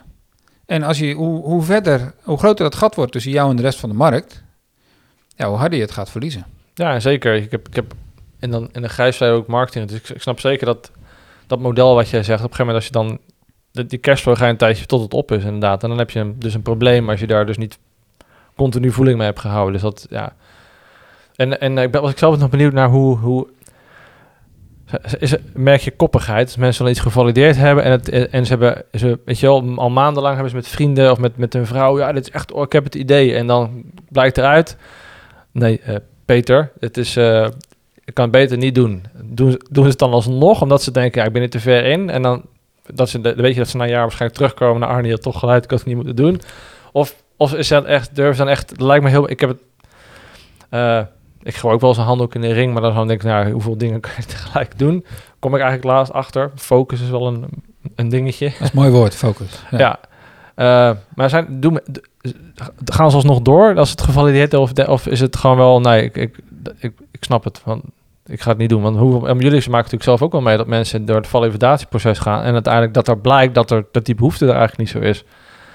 Ja, en ehm, kijk, als mensen echt gewoon serieus door het validatieproces heen gaan, dan is er niemand die uiteindelijk gewoon als die ezel toch door blijft gaan en gewoon door blijft duwen tegen een muur die er staat. Want ehm, als je echt daar serieus mee bezig bent, dan, ga je ook, dan leer je ook van je antwoorden. En dan leer je ook op dat punt waarop je zegt van ja, dit was dus wel mijn idee, maar ik zal dus bij moeten sturen. Want eh, zoals dat nu zit, hoor ik niet dat er iemand dit herkent. Of, of misschien zelfs wel dat er al 40 andere oplossingen voor op de markt zijn. Ja, Ehm, tegelijkertijd zien we wel dat mensen toch eh, wel heel erg vasthouden aan, aan onderdelen van hun idee, terwijl dat af en toe toch bijvoorbeeld misschien niet bedoel- uit interviews komt. misschien bedoel ik dat meer. Dat het gewoon dat je gewoon, je bent em- em- emotioneel zo aan gekoppeld dat je gewoon, ja, dat je het eigenlijk niet wil loslaten. Terwijl, ja, dus dan, Nou, en dat is, dat is ook echt een, een, een probleem. Hè? Dus op het moment dat jij, eh, en, en vandaar dat we ook zeggen tegen mensen, joh, kom zo snel mogelijk zo'n programma doen op het moment dat je een idee hebt. Blijf niet wachten. Nou,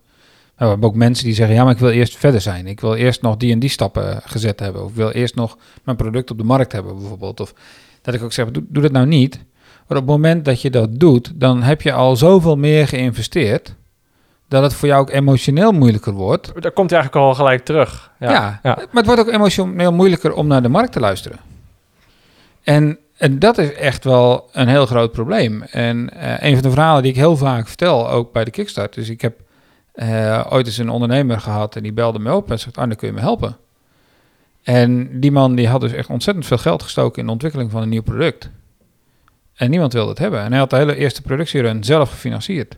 Alles geheim. Alles op zijn zolderkamertje, zeg maar, heel erg beschermd. Tot het moment dat alles klaar was. En het in dozen met, met logo's en bedrijfsnamen, dat soort dingen klaar stond. En niemand wilde het hebben. ja dan, eh, En als jij dan, zeg maar, een bord in de tuin moet zetten. Je huis moet gaan verkopen. Omdat je niet uitgekomen bent met datgene waarvan jij dacht dat het het gat in de markt was. Ja, dat is wel zo'n enorme kater, zeg maar.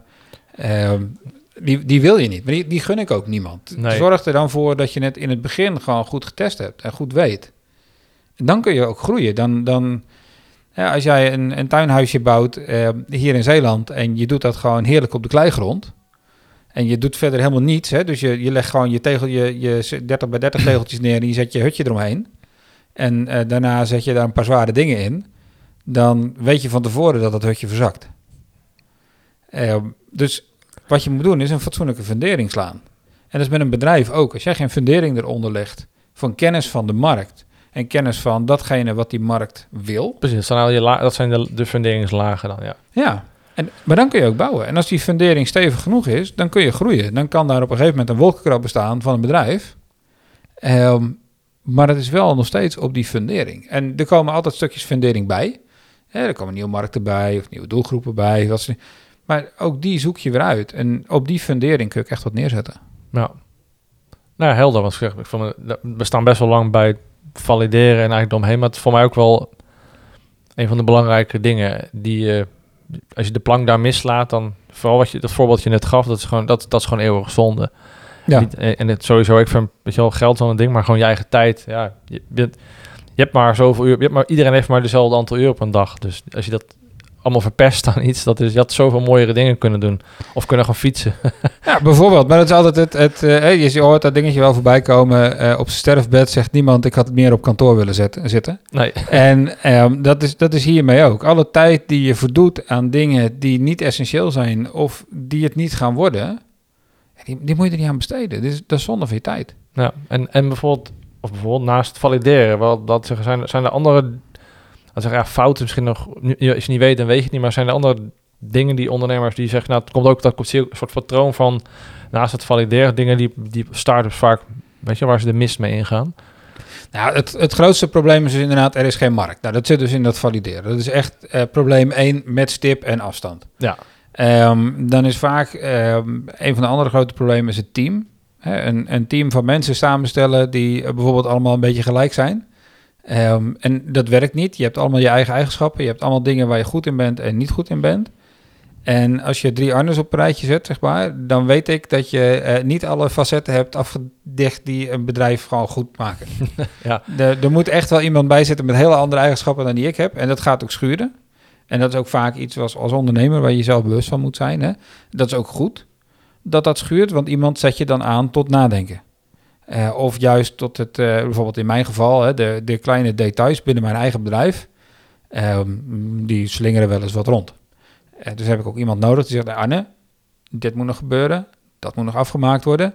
Ehm, want anders dan eh, werken we het niet goed af of, of wat dan ook. Precies. Dus daar heb ik iemand voor nodig die naast me staat om dat soort dingen te regelen. Ehm, en dat moet je als ondernemer ook gewoon weten. Waar zitten jouw sterke kanten in? Waar zitten jouw zwakke kanten in? Eh, ofwel, eh, welke dingen moet je vooral zelf doen? En bij welke dingen moet je zorgen dat er iemand naast je staat die jou eh, daar of even strak ophoudt, of die dat jou uit handen kan nemen. Ja, en heb je nou, nu ook andere ondernemers gesproken die uit het programma komen. Die doen allerlei doen er zo'n test voor. Zodat je eigenlijk weet, nou, ik zoek, als we allebei heel erg zweverig zijn en van idee naar idee gaan, en mijn compagnon is dat ook, dan blijven in de ideeënfase hangen. Maar je, dan moet je even heel kort door de bocht iemand hebben die, oké, leuk, genoeg ideeën, stop met researchen, we gaan het nu eens uitvoeren. Actiefase, ja, daarom. Ja, dus als je niemand hebt die dan de actie uitvoert, dan blijf je allemaal dromen. En dan heb je na twee jaar nog steeds, oh, ah, dat wordt leuk dit, joh. En Ja, dat is heb- echt helemaal fantastisch. Maar wanneer ja, weet ik Maar niet. goed, in die fase is je natuurlijk al voorbij, heb je je idee al gevalideerd. Maar ik bedoel maar meer als niemand, ja, als je dan, oké, dat hebben we het idee. Maar ja, dit zou ook nog een leuke toevoeging zijn, dat je dus nooit verder komt. Ja, Ja, maar het is niet alleen daar. Het kan ook gewoon zijn als je de boel gevalideerd hebt en je bent al een stukje onderweg, ehm, maar dan toch weer strand, omdat je op iets anders heel lang gaat lopen nadenken over hoe dat dan moet. Maar eigenlijk een leuke die je uit zou moeten nodigen voor de podcast is Imro. Imro Wong. Eh, die doet die, die Strength Finder test. Die kan daar ook echt hele leuke dingen over vertellen. Ehm, maar dat, die doen we inderdaad in alle programma's, zowel in de Kickstart als in de Accelerator. Eh, Strength Finder, ja, ik kon er net niet op komen. Ja, ja. Als, als overigens ook eh, bij de studenten in de minor. eh, iedereen doet die Strength Finder test. Ehm, en als jij compagnons hebt waar je mee samenwerkt, dan doe je hem samen bijvoorbeeld. En dan gaan we ook kijken van hoe vul je elkaar aan. Of je bent wel met z'n tweeën of met z'n drieën, maar waar zitten alsnog eh, valkuilen? Want dat kan gewoon. Ja, en dat kan ook weer te maken dat je dan je taakverdeling anders gaat inrichten. Want als je dan de ene de planning gaat maken, maar er komt uit dat hij de meest epic slechtste planner is dan kan je die, en die is weer goed in eh, creatief, die meer creatief dan, logisch verhaal, klinkt dan dat die meer die kant op gaat. Nou ja, een, een mooi voorbeeld vind ik wel. Mensen die eh, bijvoorbeeld vooral zorgzaam zijn, mensen die vooral harmonie zoeken. eh, die moet je niet op verkoopfunctie Nee, nee, dat lijkt me de meest slechtste rol. Ja, maar, maar je zegt dat, maar ehm, door de tijd heen kom je dus wel mensen tegen die in die rol zitten. Want ja, ze kunnen wel goed met mensen omgaan. Ja, Alleen ze verkopen niks. Meneer, wat gaat het dan kosten? Ja, maakt niet zo uit, we helpen je wel. eh. Nou, dat soort dingen kom je tegen. Maar ehm, eh, ook mensen die dan echt hun best doen om te verkopen, maar tegelijkertijd daar dus eh, in zichzelf heel gefrustreerd van zijn. Want Snap ik, want als je dat... Als je, ze zijn het niet. Nee, precies. Ze zijn niet de, de dealmaker. En gisteren, of gisteren, eergisteren denk ik of zo, stelde iemand de vraag: wat zou je eh, liever willen zijn? Ehm, een, eh, een goede pitcher of een goede closer? Dus iemand die, eh, die de goede pitch geeft of iemand die de deal kan sluiten. En ehm, daar heb ik eens over na zitten denken. Toen heb ik ook gezegd van, weet je wat het punt is? Als je geen goede pitcher bent, kom je nooit binnen. En als je geen goede closer bent, dan maak je nooit een deal rond. Dus je kunt niet zonder allebei. Je kunt niet zeggen, Nee. wil je liever dit of dat zijn? Ik ben liever gemiddeld in allebei dan dat ik in een van de twee uitschiet. Want dat heeft geen nut. Ehm, maar je moet dus wel weten, eh, voor jouw bedrijf, hoe dat eruit ziet. Of voor jou als ondernemer, als jij eh, een bedrijf leidt of een bedrijf wil starten. eh, hoe ziet dat er voor jou uit om ervoor te zorgen dat het ook echt wat En wordt? zeker als je groeit en je gaat er mensen bij aan moeten nemen, dan wil je niet meer van dezelfde. Tenzij je meer salesmensen nodig hebt, dan wil je meer mensen hebben die daar, die, die, zeg maar, die, die eigenschappen hebben die daarbij passen. Nou, dat is het punt. Je wil mensen hebben die in de rol passen waar je ze wilt hebben. Ja. Dat is het belangrijkste. En, en, ik heb hem zelf nog niet, niet gedaan, wel veel over gehoord. En zie je dat ook in de praktijk, dat het ook, ja, het moet anders zou je die test niet doen, dat het, ook, dat het ook echt matcht, dat die persoon waar uitkomt, althans, meer een andere kant op. Als iemand misschien van zichzelf niet ontdekt heeft, dat hij eigenlijk weet je wel, nooit echt met sales bezig is geweest, maar erachter komt daardoor, wacht even, dat is misschien iets wat ik meer zou moeten onderzoeken. Want blijkbaar is dat een kwaliteit die me eigenlijk wel zou kunnen liggen. Dus dat, dat kan die test ook helpen eigenlijk. Iets, iets ja, absoluut. ont- ontluiken in jezelf. dingen, ding- nieuwe dingen ontdekken over jezelf. Ehm, maar dat, dat geldt voor mij ook, want ik heb hem nu een jaar of vier geleden gedaan. En ehm, daar kwam ik ook dingen over mezelf in tegen, waar ik me eigenlijk niet zo bewust van was. Ehm, waardoor was, ik nu... was, dat, was dat positief of negatief? Nou, meer eigenlijk eh, in... Ja, negatief wil ik niet zeggen, maar wel dat ik erachter kwam dat in de uitwerking van bepaalde dingen ik gewoon niet zo sterk ben.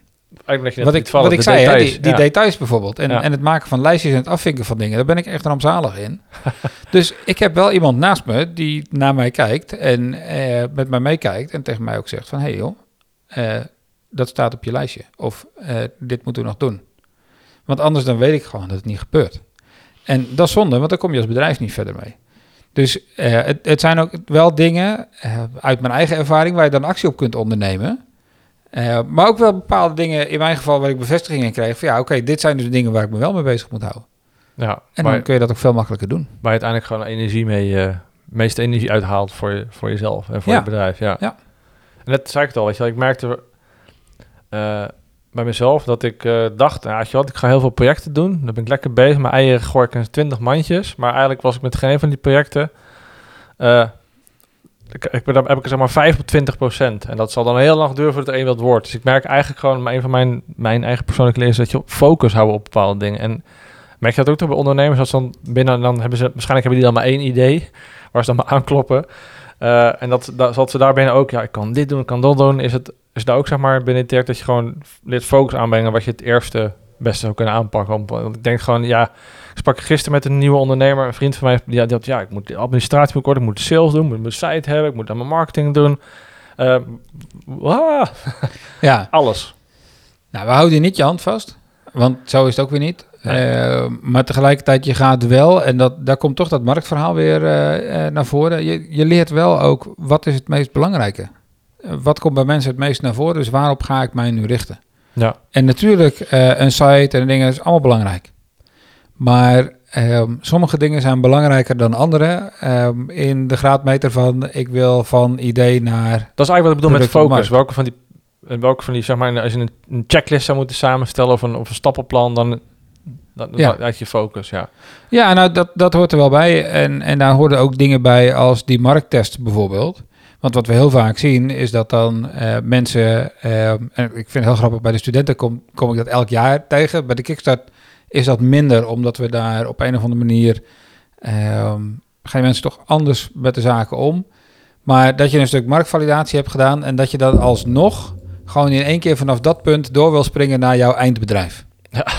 Dus dat je zegt van ik ga nu, ehm, ik, ik heb uitgevonden dat zus en zo waarschijnlijk het probleem is wat ik op ga lossen. Nou, dan ga ik nu in één keer eh, die hele tent optuigen. In, in de Kickstart gebruik ik heel vaak het voorbeeld, stel je voor dat ik een Indiaas restaurant wil beginnen in Goes. Eh dan kan ik twee dingen doen. Eh, ik kan gewoon een pand gaan huren en daar een keuken in zetten en een inrichting en mensen aannemen en noem het allemaal op. En dan, dan zit ik in een gat van eh 6, 7 ton. Maar dan heb ik mijn restaurant staan en dan hoera, dan zijn we er. Maar het is veel interessanter om dat in kleine stapjes te doen. Zodat ik steeds weet, wat doen mensen wel en wat doen mensen niet. Dus kopen mensen sowieso Indiaanse gerechten. Ehm, en dan kan ik beginnen met, eh, kijk, als iedereen alleen maar boerenkool met worst eet in Goes, dan, dan word ik daar niet wijzer van. Dus Nee, nee. als ik daar wat interviews over doe, dan kom ik al een stap verder. Eh, op het moment dat ik dat dan uitgevonden heb, kan ik bijvoorbeeld ook zeggen, ik ga eens op zaterdag, huur ik een marktkraampje. P- precies, ja. En het marktkraampje ga ik wat Indiaanse gerechten verkopen. Of misschien ga ik ze wel weggeven. Dan ga ik mensen vragen, wat vind je ervan? En, eh, noem het dan maar op. Gewoon testjes. Als ik dat gedaan heb, dan ga ik misschien wel eens een keer... eh, en dat is allemaal positief. eh, en dan, dan, daar zit natuurlijk een veel meer uitgebreide verhaal... met testmethoden en zo aan vast. Maar dat snap ik, maar gewoon... ik, ik maak hem even kort. ja. Ehm, en, en dan op een gegeven moment zeg ik van... Nou, weet je wat, ik ga eens een keer zo'n ehm, zo'n aanhangertje huren. Weet je wel, zoals je van de, de, de Vietnamese lumpia's door heel Nederland ziet staan. Precies, of een foodtruck of ja. Ja, zo weet- gewoon iets simpels. Dat gaat eigenlijk op van één keer op vrijdagmiddag naar de markt. Nou, je pakt de festivals erbij of, of, of beurzen waar je dan kunt staan met je... Om, Ja, maar om- wat jij, wat jij nu gaat doen, dat is wel grappig, hè? want dat, dat doen heel veel ondernemers. Maar wat ik wilde testen was, kan ik een restaurant beginnen in Goes? Ja. Dus als ik beurzen en festivals ga doen, Dan ga ik een heel andere Ja, doelgroep precies. Dus niet een restaurant in Goes. Nee. Nee. dus ik wil gewoon die foodtruck wil ik op de markt hebben staan. Op vrijdagavond en op zaterdagavond in Goes. Zodat je daar gewoon een maaltijd af kan halen. En dan zeg ik, als ik nou zoveel maaltijden verkoop, dan is het interessant. Ja. En eh, dat ga ik een poosje doen. Dan ga ik kijken hoe zich dat ontwikkelt. En dan bel ik een makelaar. En dan zeg ik, hé hey, makelaar, ik zie dat jij eh, daarna een pand eh, te koop hebt staan. En dat staat dan de hele tijd leeg. Kan ik dat niet eens een paar maanden huren van de eigenaar? En dan huur ik ergens een, een horecakeuken en een paar vrienden. En dan zeggen we, we gaan gewoon een maand lang gaan we India's restaurant draaien. En eh, ik huur wat stoeltjes. En, eh, maar ik, ik heb nog niks gekocht, hè? heb je dat gehoord? Ik heb alles gehuurd. Ja. En dat is op zich wel een investering. Maar als het fout gaat, Is het minder dan die 7 ton die je kwijt bent? dan geef ik alles weer terug. Ja. En dan zeg ik, jongens, het, was een, het waren een paar hele leuke weekenden. We hebben het heel gezellig gehad. Goede curry's gehad. Veel te veel, want niemand kwam. Ehm, en ik, eh, ik ben een paar duizend euro kwijt. Ja. Ehm, en paar duizend euro is niet zo moeilijk. Nee, een ton van 7, al is, het, al is een ton. Dat je dat moet aflossen en dat je daarna weer zeg maar in je normale leven valt met dat je voor, weet je wel, dat je Ja. voor een baas aan de slag moet, bijvoorbeeld, dan moet je heel hard werken en heel lang om dat weer terug te- op te hoesten. Nou ja, dat is het. En een paar duizend euro, die kun je altijd wel met een paar man bij elkaar leggen. Dus te overzien. Ja, als je het niet zelf in één keer neer kunt leggen, zeg maar, dan heb je altijd wel een paar vrienden of wat familie dat je zegt van, hey, kunnen we dit eens, eh, ik geloof hierin. En dan eh, laat je ze wat, eh, wat in die interviewresultaten zien, bijvoorbeeld. En eh, je eerste gerechtjes die je gemaakt hebt, want laten we wel wezen, een kraampje op de markt huren kost vijf tientjes. Ja. Eh, je ingrediënten kost nog een keer vijf tientjes, je bent een avond kwijt en je hebt wat gerechtjes. Dus op dat moment heb je 100 euro gespendeerd, maar weet je wel of dat mensen het lekker vinden, ja of nee. ja, Ehm, zo'n zo'n foodcard huren kost je waarschijnlijk een, een paar honderd euro. Ehm, nou, dat, als je niks verkoopt, ben je een paar honderd euro kwijt. Heb je een paar gerechten verkocht, dan kom je ook wel weer terug, zeg maar. Ja. En, en pas als het moment dat jij dus zegt van... ik ga nu tijdelijk even een pandje huren en een horecakeuken... en dat soort dingen waar je inderdaad een paar duizend euro in, sta, in stopt... dan heb je al wel die ervaring van... ik heb die aanhanger al terugverdiend. Dat huren van die aanhanger. Dus je weet dat er geld in zit. ja. En dan is net, net, net weer het volgende stapje die je dan Ja. maakt. Ja, maar dan wel, wel overwogen zonder dat er een, een financieel debakel van eh, wordt gemaakt. Ja, dat is het. En ehm, heel veel ondernemers die ik tegenkom, die ook zeggen van... ja, maar weet je, ik heb vooral geld nodig. Want als ik geld heb en ik een investering krijg van een bank of van... eh, nou, Impuls, hè, je hebt eh, ook volgens mij iemand van Impuls op de, op de rol staan. Ja. Ehm, dat, dat zijn van die, van die dingen waar mensen zeggen... ja, maar als ik daar geld vandaan heb, dan komt het helemaal goed met mijn bedrijf. Maar dat is helemaal niet waar. Ehm, je kan veel beter al weten of jouw bedrijf gaat slagen voordat je dat geld gaat lenen. Of dat geld ergens anders gaat ophalen. Nou, sterker nog, is het niet dat, een, dat misschien een investeerder wil weten, nou ja, wat heb je idee waar ik een ton in ga stoppen? Gaat dat werken? ja, hoe meer je uitgezocht hebt, hoe eerder een investeerder ook zegt van... eh ah, Perry, eh, goed idee hoor. Ja, Hier eh, heb je 25.000 euro. Ga de volgende stap maar zetten. ja. Nee, dat snijdt natuurlijk hout. ja, en ook voor jezelf. Hè? Want als jij een ondernemer bent en je wilt echt iets opbouwen... ehm, ik zit natuurlijk ook heel veel in de internet-startups. Eh, nou, die, die wereld, die- daar zie je ook wel eh, het een en ander van. Ehm, dan zie je ook het hele verhaal van, van investeerders die binnenkomen... en dan een stuk van de aandelen nemen en, en noem het allemaal op. Hoe meer jij al bewezen hebt... en hoe meer jij misschien al zelfs wel aan betalende klanten hebt... hoe groter het deel van de taart is wat jij kunt houden... want jouw bedrijf is dan wat waard. Als je met investeerders praat, is dat een, idee is niks waard. Het is gewoon heel simpel. De waarde van een idee is nul. Ik heb me eens laten vertellen dat als je kunt aantonen dat je tractie hebt op je bedrijf, dat je daadwerkelijk betalende klant hebt die het afnemen, al zijn het er maar een handje vol, maar die wel tevreden zijn en jou, eh, bijvoorbeeld als je een subscrip- subscription model hebt, dat je dat, dat, dat blijven doen, ze blijven terugkomen.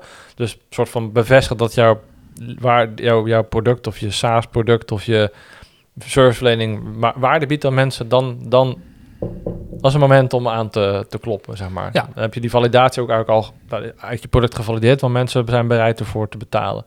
Dat is eigenlijk pas het moment dat je zegt, nou, nu moet ik eens naar een financier gaan versus, "Ah, ik heb een idee, mag ik twee ton? Ja, Ja, ik heb een fantastisch idee. Ik weet ook hoe we het uit moeten werken. Ehm, maar eh, ja, ik heb eh, jouw geld nodig om het te doen. Nou, dan gaan heel veel mensen hoofdschuddend naar jou kijken. Zie joh, je bent een schat van een vent, maar dit wordt hem niet. Terwijl als jij zegt van, hoor eens, dit is het idee. We hebben eh, deze onderdelen uitgewerkt. We hebben op dit moment eh, eh, 500 klanten die het eh, drie keer in de week gebruiken. En eh, van die 500 klanten zijn er eh, 200 die eh, een betaald abonnement hebben voor eh, 35 euro in de maand. Ja. Dan zeggen mensen, oké, vertel meer. Hoe ziet je groei eruit? Hoe ziet, nou, wat, wat voor dingen verwacht je? Ehm, en wat verwacht je van ons? En dan heb je een gesprek, dan kun je wat. Precies, want dan heb je ook je hebt, je hebt data. Voor mij is ook zo'n... eh, hebben we niet genoemd, het woord data. Data, oh, Nee, mm. maar, maar daar komt het wel op neer. Je hebt dan wel je, je, je hebt harde cijfers die je kunt laten zien. eh, of je bedrijf, ja, ik vind, nou, tractie zit in mijn hoofd. Ik vind het zelf een mooi woord. Het komt ook een beetje uit de muziek dat we in de Spotify charts tractie wouden hebben. En dan gaat die distributie wat verder lopen. Dus dat, ja, dat zit in mijn hoofd. Komt Ja. eigenlijk door. eh, Tractie is ook een goed woord hoor. ja, vind, ja, vind, vind Ja. ik een mooi woord, want het is precies eh, wat het eigenlijk ja, beschrijft. Dan kan je laten zien of je, of je tractie hebt. Ja. Je hebt grip, je, gaat, je komt op gang. Ja. Ja. Dus ja, dat, eh, ik zit wel zo'n al een aardig eindje op, op weg. We zitten al over, over een uur. Dat, overigens niet dat ik daarmee wil afkappen, maar eh, eh, ik was gewoon benieuwd hoe, waar, waar we staan. We zijn lekker aan, aan het praten. Precies eigenlijk het doel van mijn nieuwe podcast is gewoon, we gaan een gesprek aan en eigenlijk ja, zijn we, weet je wel, hebben, vind ik een tof onderwerp wat we aanspreken, wat... eh, Eigenlijk mensen die benieuwd zijn of het iets voor ze is, hoe ze een bedrijf willen starten, moet eigenlijk dit uurtje terugluisteren en dan weer eens bij jou aankloppen. Ja. van de, van de, eh, dat was Zoals ik zeg, het is voor mij dit, is- dit is geen Shillspits podcast, maar ik vind het wel echt opre oprecht tof. Wij hebben er al eens over gesproken, maar nu hoor ik alweer meer nieuwe dingen die ik hiervoor nog niet wist. Omdat je, dat ik, voor mij het idee is dat, dat ik, weet je wel, je mensen op een andere manier er wil naar laten kijken, weet je wel. Dus nu hebben we gewoon wat langer eigenlijk dan we normaal spraken over, over ja, eigenlijk over valideren, over start-ups, weet je wel. Dat, dat vind ik ook gelijk ook toffer van, zeg maar, ja, het buzzword dan is long-form content. Eh, weet je wel, we kunnen het nu langer over hebben. Ja, Dus ik was benieuwd. Hey, we zijn al een uur aan het praten waar waarschijnlijk al de- 40 minuten gaat over, over valideren. Dus dat vind ik, vind, ik- vind ik tof. Maar dat is ook zo'n, het is ook zo'n ding. En eh, ja, normaal gesproken eh, in de kickstart praat ik hier 11 weken over. Hè? Dus Ja. ik denk dat we dat niet moeten volmaken. Dat wordt echt wel een beetje te gek. in 17 Eh, delen, ja. Koop, ja. Koop, bestel de ency- encyclopedie al van. Maak, eh, maak gewoon een losse podcast alleen maar daarover. Nee, maar ehm, kijk, sowieso hè, ehm, mensen die dit luisteren, als die dan op een gegeven moment zeggen van joh, dit, dit vind ik wel interessant of wat zou dat betekenen voor mijn bedrijf, Ehm, dan kun je ook gewoon eh, zonder nou dit een sales pitch te maken, maar je kunt altijd gewoon even contact opnemen met Docwise, kun je een gesprek met mij in laten plannen.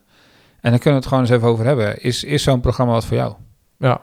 En ik denk dat dat, dat, dat is denk ik ook het, eh, het eh, ja, wel, ik heb er nu anderhalf jaar, je wel, mijn bedrijf zit hier vlakbij gevest, dus ik kan ook, ja, kan, wel, kan ook beamen dat het, dat het ook echt laagdrempelig is. Het is eh, en normaal gesproken heb ik ook allerlei business lunches die hier zijn, waar mensen even makkelijk laagdrempelig binnen kunnen schalen, of schalen, binnen kunnen wandelen, om van de schalen te eten. Ja. Brein nog even terug in. Eh, ja, ik denk dat wel dat het wel tof is. En ik, ik, best wel veel vrienden van mij, eh, of dat is veel. Het komt vaak voorbij dat mensen dan een idee hebben en dan eh, of, of de angst hebben om, ja, het zal wel niks zijn, maar misschien is het wel iets heel vets. En is niet per se angst om veel geld te verdienen, maar het kan ook een angst zijn ehm, om gewoon, weet je wel, fouten te maken of voor lul te staan. Ehm, maar dat hoeft niet, hoeft niet per se natuurlijk. Dus, dus Nee. ja, ik vind het zelf tof dat, dat, weet je wel, dat je ziet dat, die, dat, die, dat, je, dat je die drempel daarmee, weet je wel, erg laag maakt. Ja, dat is ook de bedoeling. Ik bedoel, wij hebben elkaar natuurlijk hier een heel aantal keren hier al over gesproken. Gewoon in de welbekende wandelgangen en bij de koffieautomaat. Ja, letterlijk, ja. Ja, letterlijk, want we hebben hier prachtige wandelgangen. Ehm, maar het gaat er ook wel gewoon om, je wil het ook gewoon laagdrempelig maken. Voor mensen die op een of andere manier na zitten te denken van hoe begin ik nou mijn bedrijf? Of mensen die zeggen ik heb een bedrijf, maar eh, we willen echt eens wat anders gaan doen. We, ik heb er een idee voor. Ja, maar ik zit Ehm, altijd in nieuwe, maar het kan natuurlijk ook zijn. Ik, we hebben een, ja, eh, eh, bijvoorbeeld uitbreiden naar het buitenland kan misschien een idee zijn wat heel interessant of een, of als je zegt een, eh, een, een extra dienst die we gaan aanbieden. Ja, Dus het hoeft niet per se. Ik heb een, eh, oeh, ik heb een nieuwe notenkraker, maar het kan ook gewoon. Ik heb al een notenkraker, maar nu heb ik nog een versie 2.0 of een, ook een, eh een cashew notenkraker. Nou ja, weet je, ehm, om, een voorbeeld te geven, in de Kickstart die we nu draaien, hebben we een, ehm, eh, een bedrijf zitten. En dat bedrijf is gewoon al heel goed ergens in. Hebben gewoon een hele mooie gevestigde klantenbasis. Maar die hebben gezegd van, wij hebben het gevoel dat er een andere doelgroep is waar we onze kennis ook kwijt kunnen. Kunnen wij vanuit de Kickstart met dat hele marktvalidatieverhaal gaan onderzoeken wat nou precies bij die doelgroep speelt, zodat we kunnen kijken hoe we onze kennis in kunnen zetten bij die doelgroep. Ja. En dat is gewoon een hartstikke goed lopend bedrijf. En je hebt gewoon gezegd, we hebben twee mensen, die eh, concentreren zich daar nu op. En eh, die lopen met ons, ons nu de kickstart. En eh, die komen achter hele interessante dingen. Ja, dat is gaaf, want ik zeg, ik, ik vanuit mijn ja, beperkte perspectief over, ik heb zelf niet echt veel start-ups waar ik in zit of zo. Maar ja, ik denk dat je hebt dan een idee en moet het zijn, maar het kan al bij een, bij een bestaand bedrijf ook dus heel goed zijn. En Kickstarter van meer dat er bij mij, ja, sparkte dat iets van, eh, oh, dat je gaat echt iets starten vanaf het begin, maar dat, ja, het kan ook een zijtak zijn van iets wat je doet natuurlijk. Ja, Ja, ja. en kijk, dan is het nog steeds iets nieuws wat je doet, maar je doet het met een bedrijf wat al bestaat. En dat kan altijd. En het is nooit, eh, ook daarin is het gewoon goed om weer opnieuw te kijken naar wat speelt er in die markt en waarom. En, en niet, en dat zien we ook wel, eh, ondernemers die hebben een lopend bedrijf en die gooien er dan gewoon een bak geld tegenaan. Als het mislukt, dan mislukt het. Ja. Hè, dat, eh, jij komt ze ook wel tegen, denk ik, die zichzelf dan eh, helemaal te pletter hebben geadverteerd en er kwam nul uit. Ja, en dus dan werkt, werkt het niet. Nee, dus inderdaad, social media advertenties werken niet. Ja. Boe, boe. Ja, ja. Ehm, maar het is niet zo. Alleen, je moet wel weten wat je doet. En waarom je het doet. En, en waar je op kunt testen om te zien of dat de dingen die jij doet effect hebben. En nee, dat is bij ons niet Nou, anders. sterker nog, ik, ik zie ook steeds meer, of niet steeds meer, dat ik nu ineens... eh, Oh. maar het heeft elkaar te maken. Als jij weet waar die pijnpunten liggen van die klant, dan weet je ook welke pijnpunten jij in je, op je website en in je ad moet gebruiken. En dan, en raak je ook die uit de snaar. Anders ja, kan je er een miljoen tegen aangooien. Tuurlijk, de groei, kan je wel groeien, maar dan het is gewoon anders als je weet, nou, oké, hier hebben mensen echt last van en dit kunnen we voor ze oplossen. Versus, ja, je, weet je, wel, dan, dan, je kan erachter komen door miljard dingen dan te verspillen eigenlijk. Door dan toevallig, ah, dit gaat werken. Ja, Of deze heeft gewerkt, laten we hier meer mee doen. Maar dan is het nog steeds op basis van dat je hem een keer raak schiet. ja, dat is leuk, want als je dus in het marktvalidatietraject ga je mensen spreken. En als je dat dus goed vastlegt, dan kun je daar altijd op terug blijven pakken. Eh, wat voor woorden hebben ze gebruikt? Ik heb wel eens met een start-up gewerkt, die zeiden, ja, mensen vinden het vooral belangrijk om fashionable te zijn. En toen keek ik een beetje glazig. Ehm, hoeveel mensen die jij gesproken hebben, nou daadwerkelijk het woord fashionable gebruikt? En dan uiteindelijk, na heel veel heen en weer vragen, komt er dan schoorvoetend uit, ja, eigenlijk niemand. Maar dat is wel wat ze bedoelden. Ja, oké, maar als, hè, en dat is voor jou bijvoorbeeld ook, eh, als, je, als je bereik wil hebben op internet, dan moet je weten welke, welke woorden mensen gebruiken. Want als jij een woord gaat generaliseren, dan gaat geen hond gaat dat intikken in Google. Nee, Dus niemand komt jouw advertentie tegen. Of op Facebook of op waar dan ook. precies. Ehm, dus je moet wel dat woord pakken. En, en dat is cruciaal. En dat is het leuke. ehm, in, in de minor een aantal keer geleden hadden we een student. En die student die had het idee voor eh, dropshipping. Hè? Dus eh, ik eh, heb een... Eh, welke student niet te nou, ik denk dat de helft van de Nederlanders wel eens een keer een, eh, een dropshipping idee hebben gezien. Waarvan ze zeiden van wauw, hier ga ik slapend rijk mee worden. De andere helft van Nederland heeft nooit van dropshipping gehoord. Ehm, maar hè, dus eigenlijk, je, jij gaat iets verkopen wat jij niet in voorraad hebt en eh, waar je ook niet in hoeft te investeren tot het moment dat het verkocht is. Dus een hele makkelijke manier van geld verdienen. Als je het goed doet.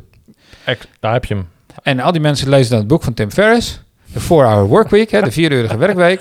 Fantastisch boek, sowieso. Ik vind het, het is heel inspirerend om te lezen. Maar je moet ook wel goed tussen de regels doorlezen. Ja, precies, je moet, je, moet, het- je moet tussen de regels doorlezen. En heel veel mensen doen dat niet. En eh, dit was ook een, een student en die zei van ja, maar weet je, ehm, ik heb dit product en eh, ik ga dat dropshippen, dus ik ga er een mooie website van maken. En daarna ga ik adverteren op Google en dan gaat het verkopen. Want dan ga ik kijken hoe mensen op mijn advertenties reageren. En op basis daarvan ga ik mijn advertenties bijstellen. Nou, jij weet een beetje hoe dat werkt met advertenties. Maar als jij van tevoren begint met doelgroep heel Nederland. En je wil daarna eh, dat als een soort eh, trechtertje eh, steeds gerichter maken.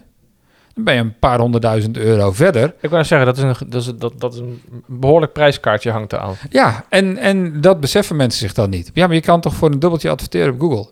Ja, wel op advertenties die niemand bekijkt. Dat is bij Facebook ook zo. Kan heerlijk adverteren. Succes als je op hypotheek eh, wil bieden. Ja, daarom. Kijk, als ik wil adverteren op codewoord eh Dodus Velvo, wat een, eh, vroeger een T9 eh, eh, op je telefoon, weet je, vroeger dat je die toetsen had. En dan eh, eh, was dat een correctieding, autocorrect, en dan kwam Dodus Velvo uit. Waarom? Weet ik niet. Maar ehm, in ieder geval, als ik daarop wil adverteren, dan denk ik dat ik wel voor 10 cent kan adverteren op Facebook. Ja, Maar voor elk ander product is dat gewoon, dat is niet meer zo. Er zitten zoveel spelers op die markt. Eh, er is zoveel geld mee gemoeid. Het is gewoon duurder. Dus hoe beter jij van tevoren weet waar jouw begin ligt, dus eh, de voeding met de markt hebben, hoe beter jouw resultaten worden. Ja, ik moest, ik moest hard lachen om het dropshippen. En dan komt meer dat ik uh, intern met, met onze stagiair... die zit in die doelgroep die heel erg getarget wordt door die ads. En, en hij stuurt het dan door. Ik klik er ook op. En ik kom er automatisch in die retargeting-lijst. Als mensen mij die weten wat retargeting is... dan word ik door dat ik erop geklikt heb... dan zit ik ook in het circuit... Uh, en dat die eigenlijk, dan word je, weet je, wordt ermee die droom wordt je, wordt je, wordt gesold. Je hoeft er weinig voor te doen. Je kan uh, dat op repeat, kan je dat opzetten, zodat je eigenlijk gewoon, uh, ja, met, met je, je luie reet op het strand kan gaan ondertussen komt de business binnen. Ja, voor een enkeling zal dat, lukt dat, maar voor die 99% ervan is het gewoon, uh, ja, het, het, is gewoon echt niet zo dat je een generiek product of iets wat jij leuk vindt op de markt zet, een ad op heel Nederland en dan wacht tot de sales binnenkomen. Nee. Uh, zelfs niet als die, want die mensen, die, je krijgt zoveel bijvangst die je niet wil hebben. Dat, ja, dat is een gigantisch duur, duur grapje. Maar ja, het is, het is helemaal een hot ding. Want zijn er echt, als je er helemaal op, ja, niet eens op let, want ik hoef er geen moeite voor te doen. Maar, de, ja, maar ook door corona zijn er heel veel goeroes en zelfhulp-experts uh, bijgekomen. Die allemaal, uh, ja, weet je wel, met alle respect, een meisje van 23 die uh, burn-out coach is. Ja, ik vind dan, sorry, ik verwacht dan eerder een vrouw van 56 of zo die uh, of een man mag ook, die, uh, die, die dat ervaren heeft. Niet dat ze dan daar de eerste job een burn-out heeft. Iemand die weet welke... Maar voor mensen die de jongere doelgroep is gewoon heel erg gevoelig voor dat, ja, weet je wel, dat, dat, nou ja, dat lifestyletje. De, de, jongere doelgroep voor een deel, maar um, de, de 40-plussers of 35 geloof ik, die targets op dit moment ook met vastgoed, vastgoedinvesteringen. Oh, die, bedoel je dan die man die ja, die 150.000 euro met 20.000 lijkt natuurlijk van de gekken, maar die. Ja, en dan, en dan als hij die zin heeft gezegd, dan, dan kun je ondertussen kun je bij YouTube dan dat uh, advertentie overslaan, kun je klikken. Ja. En dan zegt hij, dat lijkt natuurlijk van de gekken. En dan denk ik, ja, dat is ook van de gekken. um, want er zitten zoveel haken en ogen aan die daar niet uitgelegd worden. Dat, dat is het. Um, en um, dingen kun je altijd mooier laten lijken als dat ze zijn. En ik weet nog wel in de, in de jaren 90, zeg maar, kocht ik van die Engelse autobladen en daar stond op de achterkant. Uh, 9 van de 10 keer was er een advertentie van zo'n boek van uh, rijk worden, mijn eerste Ferrari op mijn, binnen, binnen een jaar, zeg maar, dat soort dingen. en dat is eigenlijk niet veel anders van wat dit is. En, een ander medium, ja. Ja, ander medium. En dan betaalde je 30 pond en dan kreeg je dat boek. En toen dacht ik bij mezelf, ja, weet je waar hij die Ferrari van betaald heeft? Van de verkoop van het boek. Ja. helemaal niks met de rest van de zaak te maken. Um, maar om, om daar even op terug te komen, um, het vertekent heel erg voor mensen. Mensen hebben heel snel het idee van, oh ja, maar dan, eh, ik heb dat boek gelezen van Tim Ferriss, of ik heb inderdaad dat filmpje gezien. Um, dan kan ik dat heel snel voor elkaar krijgen en dan ben ik klaar. En ik heb helemaal geen contact met de markt nodig. Want ja, hè, wat meet de markt nou wat ze, wat ze nodig hebben?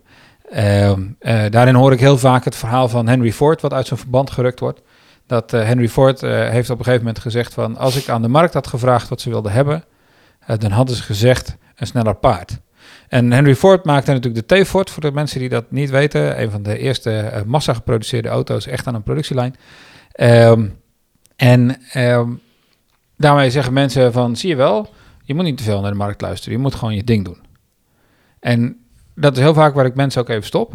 Ik zeg, ho even. Henry Ford zei, als ik aan de markt vraag, dan hè, hadden ze een sneller paard gewild. Maar Henry Ford wist wel wat het onderliggende probleem in de markt was. Mensen wilden over langere afstanden meer spullen kunnen vervoeren op een snellere manier. En eh, mensen dachten op dat moment in de trant van, om dat te regelen, heb ik een sneller paard nodig.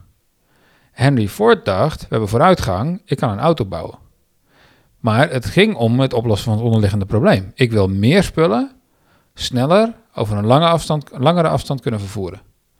En dat kun je beter oplossen met een auto dan een paard sneller maken. Want ik weet niet of dat je wel eens hebt geprobeerd om te schroeven aan een paard, maar dat valt echt tegen. ik heb het nog niet geprobeerd en ik denk dat het ook niet gaat. Nee, ik, ik snap, je, ik snap natuurlijk wat je zegt. Ja. ja, ik denk dat paard ook niet leuk vindt. Nee. Maar um, paarden hebben nou eenmaal gewoon um, beperkingen. Net als dat mensen beperkingen hebben. Uh, auto's hebben andere beperkingen. Dus voor mij komt deze ook van, van jou. is dat mensen zijn die op zoek naar, naar, naar een boormachine, maar ze willen een gat in de muur. Ja. Ja, dus dat, het probleem is eigenlijk niet welke, welke Bosch of welke uh, ja, merk je ook, ook pakt. Ik zit, ben niet echt een super klussen. Ik kan wel klussen. Twee, ik heb geen twee linkerhanden, maar ik weet niet even. Ja, Makita. Lekker reclame maken. uh, uh, ja, maar zoek eigenlijk heb je nou. Je hebt het, het probleem is, ik moet, ik moet met schilderij ophangen. Dus Nou, en, en dat is de essentie. Ja. Mijn taak is, ik wil een schilderij ophangen. En het, het leuke is dat om een schilderij op te hangen, ehm, zeggen mensen bijvoorbeeld, je hebt een boor nodig. Dat is misschien helemaal niet waar. Want als jij van die eh, eh, stickers hebt die, waar je een, hang, een haakje mee op kan, haken, op kan hangen, kun je daar het schilderij misschien ook mee ophangen. Ehm, een van de eh, leuke dingen, Clay Christensen, een, een hele intelligente marketingprofessor uit Amerika, eh, die zijn op een gegeven moment gaan vergelijken, de milkshake. Hè, dan gingen ze mensen vragen, waarom koop je een milkshake? En wat moet die milkshake doen? Maar ook, eh, wat voor andere dingen heb je daarvoor geprobeerd? En toen kwamen ze erachter dat een milkshake helemaal niet zozeer eh, concurreerde met andere milkshakes. Maar een milkshake concurreerde met Snickers en een banaan en een bagel en, en dat soort dingen. Dus een heel andere groep. Dus ehm, dat, die, die boormachine, die, ehm, die concurreert misschien ook wel gewoon met stickers. En dat zijn dingen die weet je pas op het moment dat je echt gewoon diep die markt ingedoken bent. Ja. Maar die zijn wel cruciaal. Wil jij uiteindelijk jouw product weg kunnen zetten? ja, dat vind ik ook gelijk. We blijven telkens terugcirkelen naar het woord marktonderzoek of validatie. Dus ik, dat Ja. is ook een beetje de strekking, denk ik, van, deze, van, van onze, onze talk. Ik, ik heb nog wel 60 ideeën die ik graag met je. Maar daar kunnen we in de toekomst nog eens over, over, over Aflevering 2. aflevering 2. Dus ja, lijkt me leuk om in de toekomst nog eens een keer verder te praten. Maar dan over de andere eh, onderwerpen die, we, die ik in mijn hoofd heb. Die we zo kunnen behandelen. Maar ik denk dat we nu wel een mooie, eh, ja, weet je wel, een aantal leuke, maar ieder geval een groot punt de revue hebben laten passeren. Waar we van mijn gevoel, ja, voor de mensen die, weet je wel, die of al net in een bedrijf zitten of iets nieuws willen proberen binnen een bedrijf of iets willen beginnen. Weet je wel, die wat handvaten hebben, wat inzichten in, weet je wel, welke routes kunnen bewandelen. Ja. Ehm, en dan vind ik het leuk nu van dat het dus nu dat je het niet hoeft uit een blog leest, maar het komt nu gewoon uit, uit, je, uit jouw mond als, eh, als ervaringsdeskundige en ja, en, ja, coach het woord? Ja. Binnen Ja. de programma's, ja. Ja, vind ik wel. Ja, ja, business coach officieel. Ja, business coach, ja. Dus, dus, ja, weet je wel, dus ik denk dat het een beetje een leuke toevoeging is op, eh, op, ja, op spectrum, wat er al, op spectrum, binnen wat er al, eh, al informatie over te vinden is. Dus ja, Arne, dankjewel voor, eh ja, voor dat je er was en eh, voor je tijd. Ja, graag gedaan. Dat is leuk. En inderdaad, eh, er is nog genoeg om over te praten. Nou, tot, de- tot de volgende keer dan. Dat is goed. Jo.